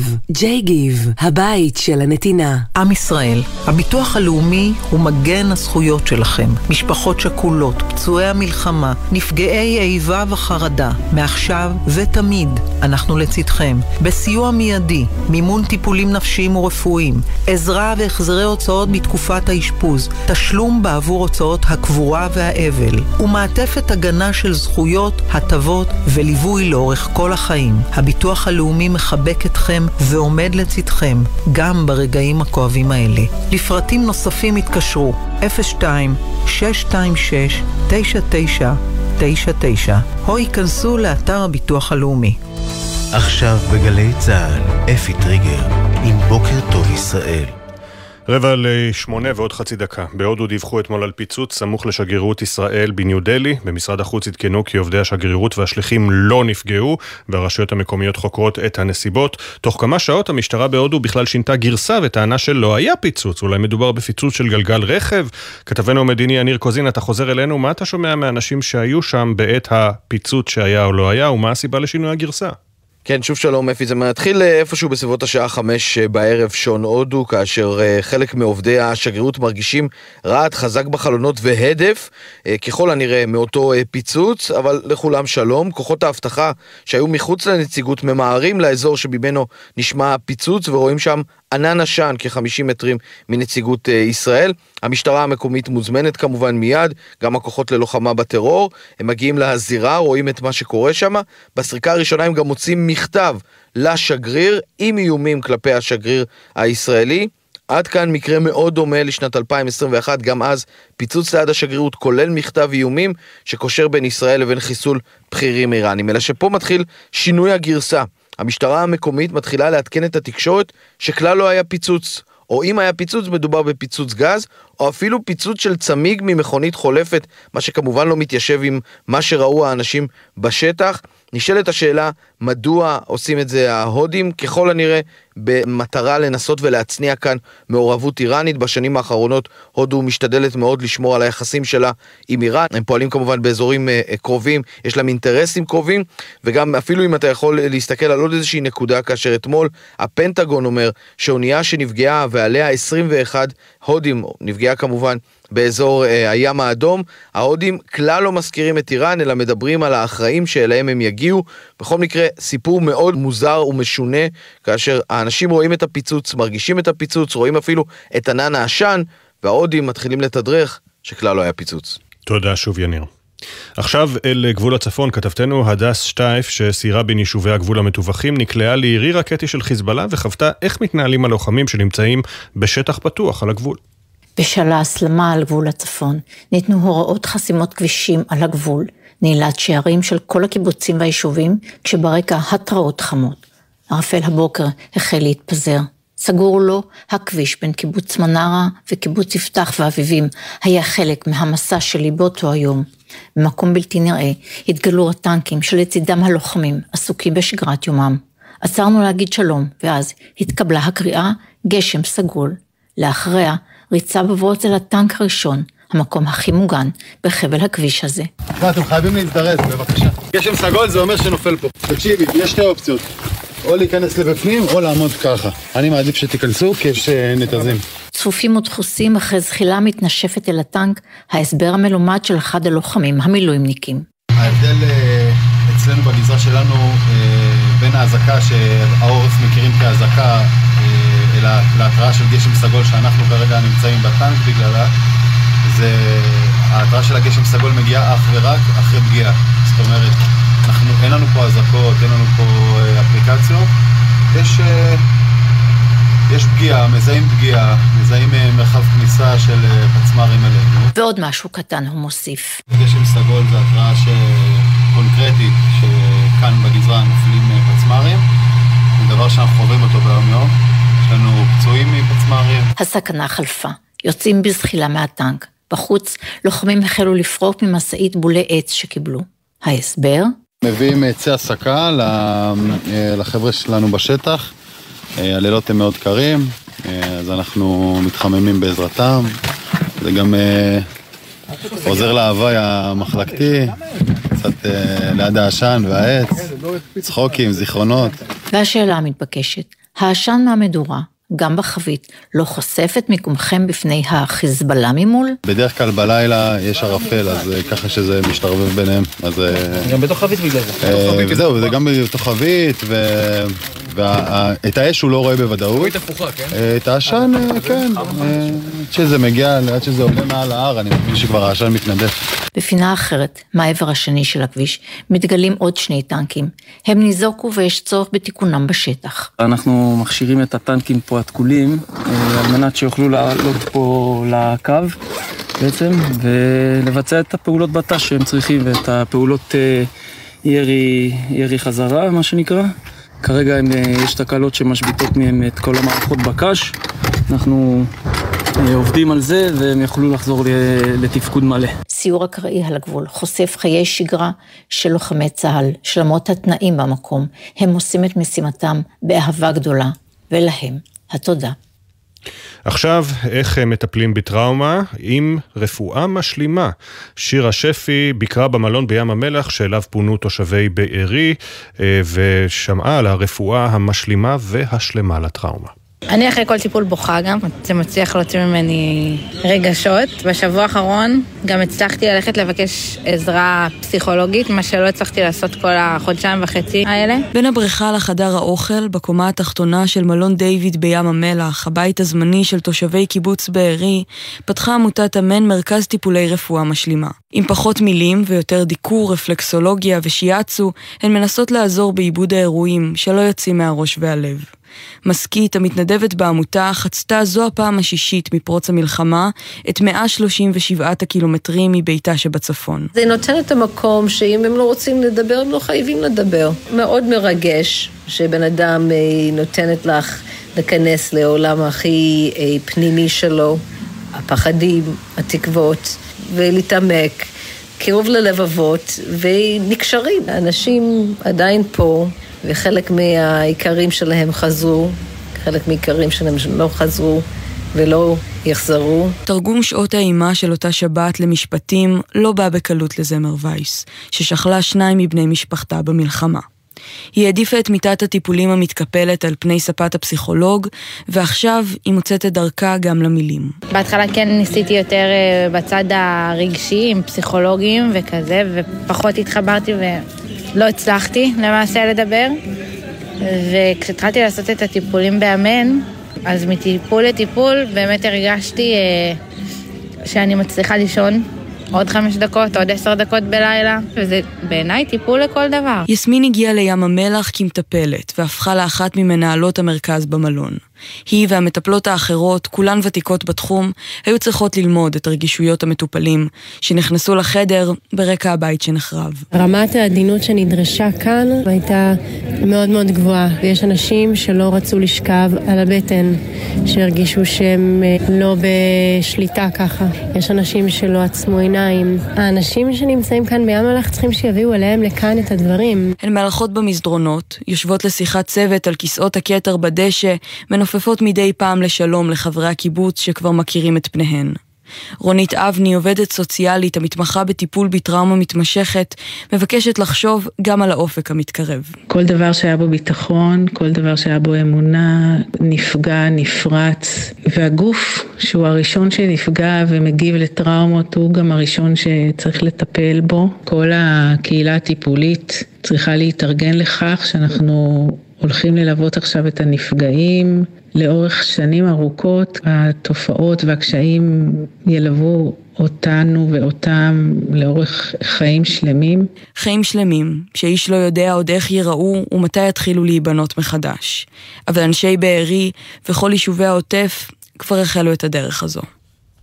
ולמרות הכל, ואולי בגלל הכל, עוד ועוד עולים יהודי התפוצות מגיעים לישראל, ש... אלינו לישראל, וכתבנו שי ישראל פגש את אלה שהגיעו השבוע. אני מאמינה שזה חשוב להיות כאן עכשיו יותר מתמיד, בגלל שהעם שלנו צריך את כל התמיכה האפשרית שנוכל לתת. לודמילה ומשפחתה בחרו לעלות לישראל מאקוודור בסוף נובמבר בעיצומה של המלחמה. להיות כאן עכשיו בתקופת המלחמה מעלה הרבה רגשות. על המשפחה שלנו, על האחים שלנו, על הילדים ועל הצעירים שנלחמים שם בחוץ על ישראל, וגם על מי שאנחנו מתפללים לחזרתם. כמובן גם מדאיגה אותנו מאוד עליית האנטישמיות בעולם, אבל בסופו של דבר אנחנו מאמינים ובטוחים שכמו תמיד העם שלנו יעבור את זה. עם ישראל חי. מאז פרוץ המלחמה עלו ארצה יותר משלושת אלפים עולים מרחבי תבל. הנתונים מצביעים על התעניינות גוברת בעלייה מארצות הברית וצרפת, שם חל גידול של יותר מ-400 אחוזים בפתיחת תיקי העלייה. אחד מהם הוא בנימין, שהחליט לעלות עם משפחתו בגלל המצב. התקופה לא פשוטה והאווירה כבדה. אפילו שמאז 7 באוקטובר תפסנו קצת מרחק ביחס למה שהתפתח בצרפת, זה באמת לא רגיל, וזה גם מה שהוביל להחלטתנו לעזוב. אנחנו מתכננים לעשות עלייה בעוד כשמונה חודשים. גל האנטישמיות שעבר עד צרפת הביא אותנו לחשוב שכבר אין לנו מה לחפש כאן. הורדנו מזוזות, אנחנו כבר לא מרגישים רצויים, לכן זה חשוב להיות בישראל, במדינה שמגינה עלינו, ולתרום את תרומתנו הצנועה. כך מספר בנימין שצפוי לעלות בקרוב עם אשתו וילדתו. אורלי צוקרמן, מנהלת מרכזי הקליטה בסוכנות היהודית, אומרת לנו, האנטישמיות היא גורם מכריע. אנחנו מבינים, וברור לכולנו, שהאנטישמיות הגוברת בעולם דוחפת את היהודים לבחון אפשרות לעלייה לישראל, ואנחנו כאן בסוכנות היהודית דואגים לא רק לעלייתם של העולים לישראל, אלא גם לקליטתם. אדם סמולר ומשפחתו משיקגו הגיעו לישראל בתחילת השנה, אך נאלצו לעזוב עם פרוץ המלחמה בגלל לחצים משפחתיים. משפחתיים. אתמול הם נחתו חזרה בישראל. We left Israel in mid-October because of the war and after two months in America, seeing all of the really hateful and scary anti-Israel and anti-Jewish protests and graffiti on the streets of Chicago and everywhere we live, it makes us really happy to be back here and understand the importance of being back. To land back at Ben Gurion last night felt wonderful. עזבנו את ישראל באמצע אוקטובר בגלל המלחמה, ואחרי חודשיים באמריקה שראינו את ההפגנות המפחידות ומלאות השנאה האנטי-יהודיות וישראליות ואת כתובות הגרפיטי ברחובות שיקגו ובכל מקום שאנחנו גרים בו, זה גרם לנו לשמוח מאוד לחזור ולהבין את החשיבות של זה. לנחות אתמול בלילה בנתב"ג הרגיש מדהים. ברוכים הבאים. מאז פרוץ המלחמה נאלצה העיר אילת להחליף את התיירים והישראלים הנופשים בחודשי הסתיו בעשרות אלפי מפונים שנקלטו במלונות. הנזק הכלכלי בעיר הורגש מיד, אבל הניסיון להחזיק את הראש מעל המים נראה כמשתלם. חלק מהמפונים חזרו לבתיהם, חדרים רבים במלונות כבר מתמלאים בנופשים. עינב קרנר, כתבתנו לענייני תיירות, באילת מנסים להחיות את עיר הנופש והתיירות. שלום עינב. שלום אפי ובוקר טוב, אכן אילת שהפכה מאז פרוץ המלחמה לעיר מקלט עבור עשרות אלפי מפונים, נפרדת בימים אלה מאלפי מפונים, מרביתם מיישובי העוטף. אילת אה, ספגה פגיעה כלכלית קשה מאז הטבח ב-7 באוקטובר, על אף שהכפילה את מספר הנפשות אה, בעיר. כעת חדרים רבים פונו לנופשים, ובמלונות מתחילים לזהות אה, עלייה מתונה במספר האורחים שמגיעים לחופשה קצרה בעיר. איתמר אליצור, מנכ"ל התאחדות המלונות באילת, קורא לציבור להגיע ולתמוך במלונאים ובעסקים בעיר. למרות שכל בתי המלון קלטו מפונים, יש כיום מספר רב של מלונות אשר חזרו לשגרת האירוח המוכרת, ויש אלפי חדרים פנויים לאירוח. במיוחד בימים אלה, אני מזמין את עם ישראל לבוא להתאוורר באילת לכמה ימים. חשוב לציין שאילת פתוחה. יפה, תודה עינב קרנר, כתבתנו לענייני צרכנות ותיירות. לפני סיום, ממשיכים במסורת החדשה שהתחלנו, מסורת שאנחנו מקווים שתסתיים במהרה. לא ניפרד לפני שנציין, הבוקר יש עדיין 133 חטופים בעזה עם בני משפחה שמחכים להם. אופיר אנגל, ששוחרר בעצמו מהשבי לפני כחודש וחצי, הוא בן הזוג של יובל, בתו של יוסי שרעבי, שעדיין מוחזק שם עם אחיו אלי. שלום, אני אופיר אנגל. ישבתי 54 ימים בשבי החמאס. 53 ימים מתוכם ישבתי עם יוסי שרעבי, אבא של חברה שלי, יחד, באותו חדר קטן, חשוך, ללא הרבה מזון ועם חוסר ודאות מוחלט לגבי עתידי. יוסי שרעבי ואח שלו, אלי שרעבי, עדיין מוחזקים בשבי החמאס 81 יום. אני הייתי שם, ואני יודע מה הם עוברים, וכל יום המצב שלהם מסתכן ומידרדר. צריך לשחרר את יוסי ואלי וכל החטופים עכשיו. סיימנו. העורך שלנו הוא יואב מאיסי, עורכת המשנה תהל כהן, הפיקה מאי נבון, על הביצוע הטכני אלה מוטולה, בפיקוח הטכני עומר נחום, עורכת הדיגיטל מיה אורן, תודה גם למשה טורקיה, אחרינו ספי עובדיה וניר קוזין, אנחנו ניפגש שוב מחר, יום חמישי, שש בבוקר. עוד יבואו ימים טובים יותר, בוקר טוב ישראל.